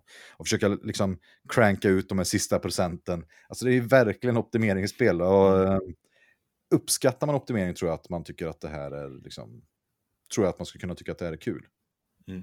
Och gillar man Grand Austria Hotel som jag tycker påminner, alltså Grand Austria Hotel med expansionerna, för där ökar man upp uh, tyngden, för det finns massa fler actions och valmöjligheter. Och här mm. finns det mycket valmöjligheter. Och det är aldrig något som är blockerat känner jag, utan de blir bara lite mindre effektiva. Det är extremt lika känslan när jag spelar de här spelen. Jag tyckte, jag hade mm. spelat Grand Oster Hotel innan, eh, innan och började spela Golem, men då hade jag inte spelat expansionen. När jag spelat expansionen efter spelat Golem, och känner så här, det, det, för mig är det egentligen för lika. De här mm. spelen är för lika att äga. Hade jag inte nu hört Alexander och Eriks eh, prat om hur mytologin och det så tror jag att jag hade sålt ett av Grand Austria Hotel och eh, Golem. Mm. Men däremot att äga ett av de här spelen är ju mm. tycker jag, tycker jag har den verkligen plats. För det är någon, som du är lite inne på, det finns ändå någon slags elegans här i det här spelet. Det finns, jag tycker att det är tydligt bräde, det känns krispigt, det känns som att det verkligen spelar roll vad man väljer, man kan spela fel. Men det är liksom ens arbetsminne som hela tiden blir belastat. Och där tycker jag också det finns en stor, stor nackdel med det här spelet. Om, när jag spelar det här så blir jag, jag är ju ganska dålig på att hålla ordning och reda när jag spelar. Och jag är också dålig på att, alltså ibland måste jag ställa ut pjäsen för att se vad som händer. Jag liksom, det är mycket lättare sätt för mig att se. Men då blir jag också orolig att jag, så här, har jag glömt att ta den här resursen? Mm. För att bara så här när man sätter ner ett kort under i den här kolumnen, då kanske det triggas tre olika saker. Mm. Och sen eftersom man har tänkt så himla mycket, typ att jag ska få dem och sen händer det här och sen där. Och sen är det plötsligt undra, tog jag min resurs för att jag tog en blå kula? Mm. Så jag, ja, jag behöva... hamnar lätt där också. Och det är, ju, det är helt förödande, för missar du två resurser så är ju hela spelet förstört för dig. Det går liksom inte att ta de resurserna, utan de måste verkligen ha. Så jag skulle vilja ha så här, en procedurlista här. Jag vet min, vår vän Andreas här, han är ju mycket för att man ska göra en viss ordning. Sen tar ju det ju att alla spel tar jättemycket längre tid om man skulle gå. Men jag skulle ha en procedurlista, gör inte de här mm. stegen sen, mata in det, så skulle det här spelet bli liksom lättare. Sätta små bockar liksom på listan. Ja, ja visst. Eller, eller liksom, om man tänker eh, en en eh, datorversion som löser det lite. Ja. Så att man inte gör fel för att det är väldigt lätt hänt. Liksom. Och den känslan kan jag ju få när jag spelar Lacerda-spel. Jag spelar Lisbo eller jag spelar eh, Tashinis Teotihuacan tycker jag. Det är också mycket mm. saker att reda på. Um, och jag hatar verkligen den, den grejen. För att jag känner ibland, har jag fuskat? Eller gick mm. det så här bra? Eller, och det är det värsta jag vet alltså. Mm. Bara, tog jag rätt antal resurser åt båda hållen? Det är ju jag skulle vilja ha typ, jag har försökt någon gång, bara, kan inte du hålla reda på vilka resurser? Men så inser jag att ni sitter och tänker bara helt tusen procent på era turer. Det går inte att ni ska hålla reda på vilka resurser jag har tagit. Liksom. Nej, jag, är också, jag har också kommit på mig själv med att ställa frågan någon gång när vi spelar, bara, tog jag den där? liksom bara, ja. Det är klart, det är jag som ska veta om jag tog den där eller inte och det vet jag inte riktigt. Och det, det stör mig riktigt mycket också. Man vet inte om man fuskar eller om man eh, har råkat förstöra för sig själv. Liksom. Och, och just då eftersom pusseldelen är, känner jag när jag spelar det, det som är utmaningen. Vad ni gör är ju, jag tycker det är kul, liksom, jag gillar er så pass mycket att jag tycker det är kul att se er sitta och lösa pussel i samma rum mm. som mig. Mm. Det är liksom inte det som är problemet på något sätt. Även om jag tycker kanske att man kan göra något annat som vi påverkar varandra av. Men, mm. men det, det stör något enormt då. Att det, liksom, det är typ som att jag har fått en helt plötsligt en joker-pusselbit eller någon har lagt ordning fem bitar mitt i pusslet. Jag bara så här, det här hade inte jag velat ha liksom. Eller att någon har kastat bort tre bitar. Eller bara, katastrof liksom. Mm. Men, okej, okay, men om man ska liksom göra någon slags sammanfattning här. Liksom, vad tycker du är spelets styrkor? Skulle du vilja rekommendera det här spelet till någon? Liksom, vad skulle du...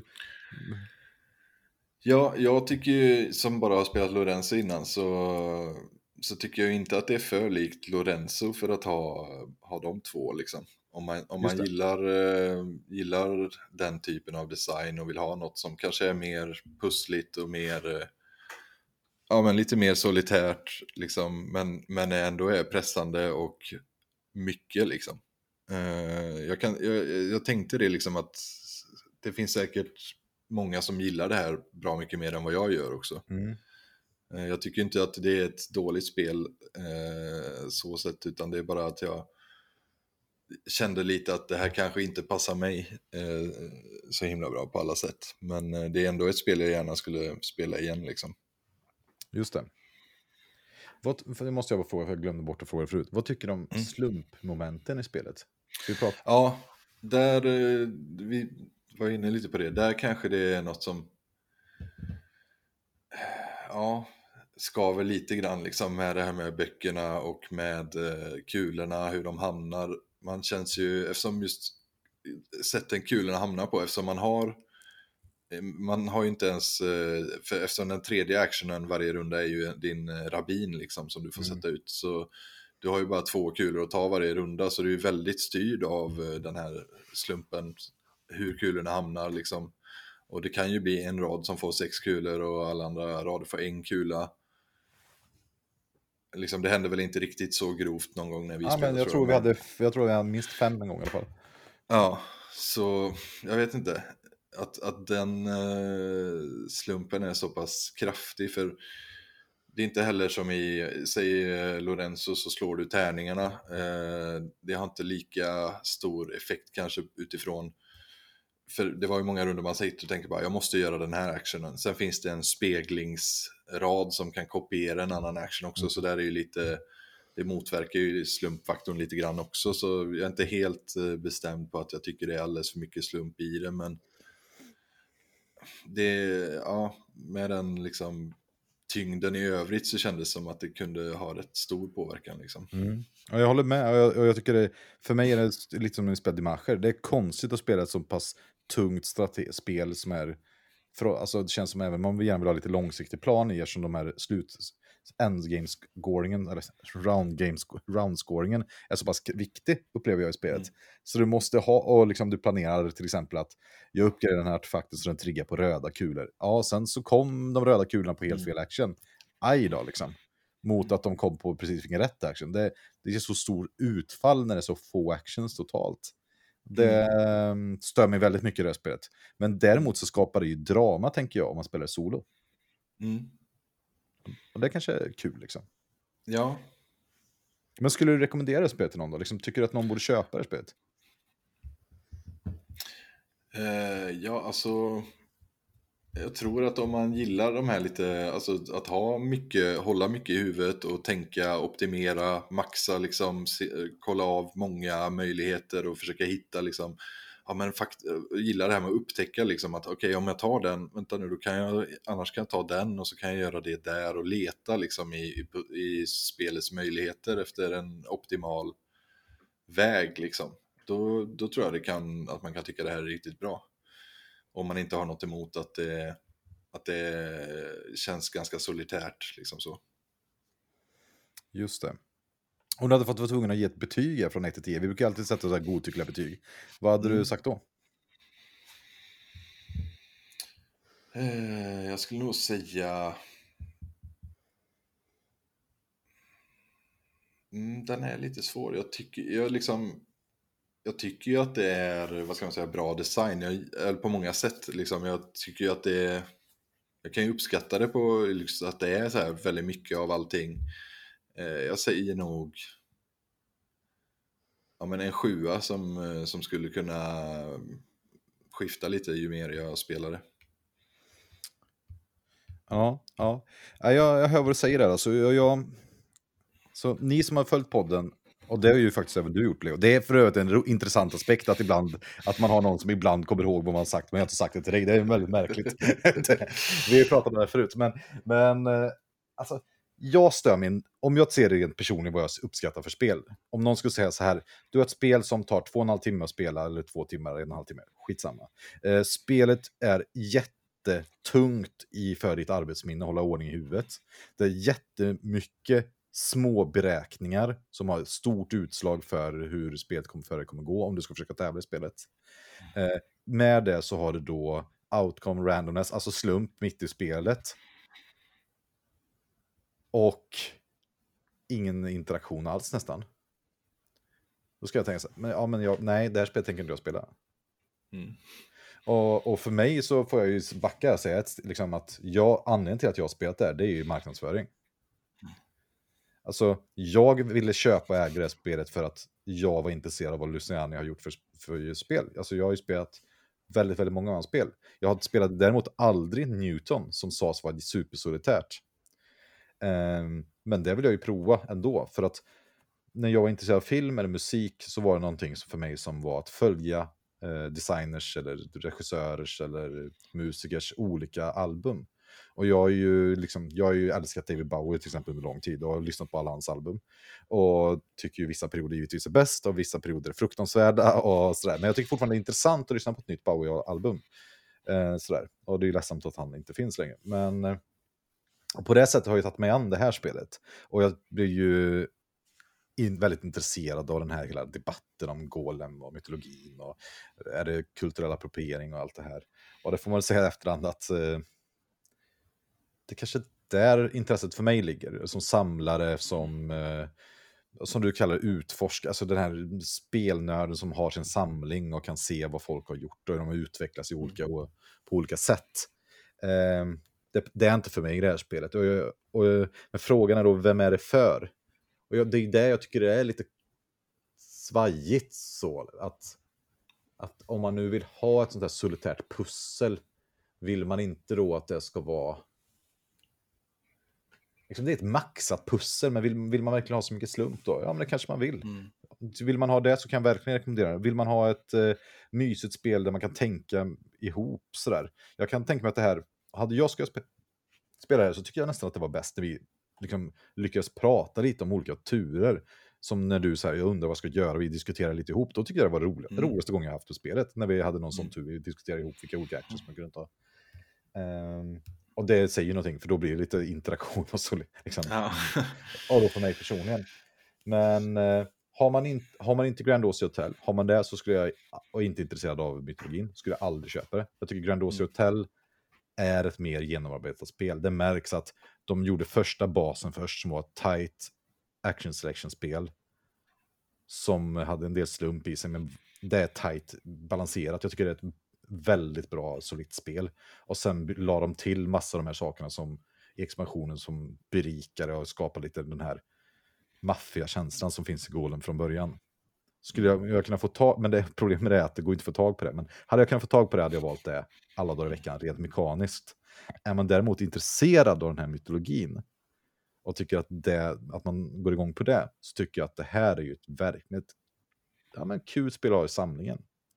Mm. Det, det, eh. det, var ett litet plus för mig också, just liksom tematiskt med de här golemsarna som eventuellt springer ifrån dig och att eh, liksom så här, där, där gjorde de ju någonting som kändes som att det stack ut i alla fall. Ja, men kunde man inte gjort något mer med det kände jag bara sådär. Ja, säkert, och jag har inte, det, det är ju stor skillnad för mig eftersom jag inte har spelat Grand Austria Hotel så jag kanske hade sett helt annorlunda på det eftersom det verkar vara en väldigt liknande eh, mekanisk design liksom så. Ja, men det är också intressant att det, liksom, det är Lorenzo och Grand Austria Hotel som har tagit och smält ihop och sen har de eh, slängt på ett eh, mytologiskt tema och sen lagt till några saker. Ja, men vad ska man göra? Vad, liksom, vad behöver man prestera som brädspelsdesigner? Det är liksom... Mm. Det är så jag känner. Det, det, här är väl ett fine work. För mig är en sjua kanske, som du säger. Hade det här... Eh, hade, hade jag varit tvungen att jämföra det här med Grand Austria Hotel, ja, då rekommenderar jag det. Är det här ett nytt barrage? Nej, verkligen inte. Det har ingenting med det här att göra. Därför blir jag intresserad av vad kommer Luciano göra när han samarbetar med, nu heter han Batista. Oh, nu blir jag, åh gud, jag kommer inte ihåg vad han heter. Men man undrar ju liksom, vad är Lucianes del i de här rollerna? Är han bara någon slags editor som finputsar de här spelen? För om man jämför det här med Barrage, alltså vilken skillnad. Har du spelat Barrage förresten, Leo? Jag har inte gjort det heller. Det står på vill spela-listan. Ja, det måste vi spela. Det ska bli intressant vad Martin ska säga. För han. Men jag tycker så här, vill man ha ett solitärt spel eller är intresserad av Luciano i sina spel, köp det. Det är bara att köpa. Det är kul att stödja de här personerna. Eh, vill man ha ett interaktivt spel eller ett, eller ett typ knitsiga spel, något som är djupt och liksom matigt med, så man förstår reglerna direkt, det flyter på, bra flow i spelet, snabba turer, köpa inte det här. Spela det inte så många alltså. Och det tycker jag vi har försökt förmedla här. Vad säger du Leo? Ska vi släppa in Martin och se vad han säger här? Ja, det blir kul att höra vad han har för... Ja, och då ska vi säga att han har ju då ett långt lagg, så vi kommer inte kunna lägga sig i så mycket. Så det är som sagt, det är Ring P1 här, inspelat meddelande. Martin kommer in och levererar facit. Ja, det är skönt att det inte ska bli avbruten för en gångs skull. Nej, men alltså jag gillar spelet Eh, mer än vad jag tror, men jag tror också det för att jag har spelat så lite spel, framförallt på den sista tiden, som är så solitärt. Jag tror jag kan ha saknat det här. Vi har diskuterat vindrickarspel, Terraforming Mars till exempel. Det här känns lite som ett portdrickarspel. Man sitter och smuttar och smakar av någonting och man har tid på sig och man får liksom klura ut hela sin runda, gärna i en djup diskussion med sina medspelare. Då är det här spelet riktigt bra. Eh, spelade en tisdag, har lite stressigt, ungen är halvsjuk, undrar om man kan gå till dagis imorgon. Då är inte det här ett bra spel. Man har ett tungt möte dagen efter. Nej, då är det inte rätt förutsättningar för det eh, mycket prat runt omkring gör spelet bättre och det säger väl en del om spelet kanske. Uh, ja, vi ska inte prata om det här Dice Tower, det är ju värdelöst och jag fattar inte hur man ens fick för sig den idén. det är bara för att sälja någonting som är snyggt. Det tiltar mig så fruktansvärt så vi till och med fick ha en diskussion om hur man skulle hålla tummen för att man skulle slå likadant varje gång. Nej, alltså, jag, alltså det är 2021, det här är inte okej okay, alltså. Det är, nej, jag fattar inte. Det, ja, det är nog det allra sämsta med spelet. Jag brukar inte gilla den här speldesignen. Eh, tycker oftast att det är lite för dova färger, lite för tråkigt. Sjukt snyggt, jag älskar det. De har verkligen lyckats med designen. Jag är helt magalös, makalöst hur fint det är. Hur, hur tematiskt det känns. Alltså jag brukar gilla 18xx-spel för att jag tycker det är så lagom snyggt för mig och det är tydligt och klart. Eh, tycker att eh, de flesta sakerna är självklara efter första gången man har spelat igenom det. Sakerna gör det man tror att de gör. Lite som när vi pratade om Kanban EV, att de gör inte det du vill att de ska göra utan de gör det som faktiskt står på brädet och du kan inte riktigt så här, lyckas knixa dig till det du vill att de ska göra utan det är tydligt. Annars är det ju som jag pratade om, mycket arbetsminne och det tycker jag är kul när man får ihop den där magiska strängen på 15 actions på en, ett drag och alltihopa bara trillar i linje med varandra. Den känslan är ju helt underbar. De andra 11 actionsen som inte gör det och det bara fisslar på slutet och du sitter med 10 clay för mycket och inte tillräckligt mycket knowledge. De är ju inte lika roliga men när allting liksom stämmer överens så är det en helt underbar god känsla. Men Martin, jag måste fråga dig en sak då. Mm. För det här märkte jag med det här spelet som man är så van när vi spelar interaktiva ja. spel. Att där blir man så bekräftad över sina mäktiga runder av någon annan. Typ de bara säger fy fasen att du gjorde det där, det är helt sjukt liksom. Men här är det så här, ingen vet typ vad du har gjort. Det är så här, okej, okay, eh, är det min tur? när man sitter där stolt över att ha gjort 15 drag i rad eller något. Ja, men det är det jag säger, man måste prata om sin tur och förklara hur man har tänkt och vad man vill och sådär. Eh, man måste skapa det interaktiva själv, annars blir det inte bra. Det, det är ju en stor nackdel för spelet när det inte gör det åt en utan att jag måste skapa det själv.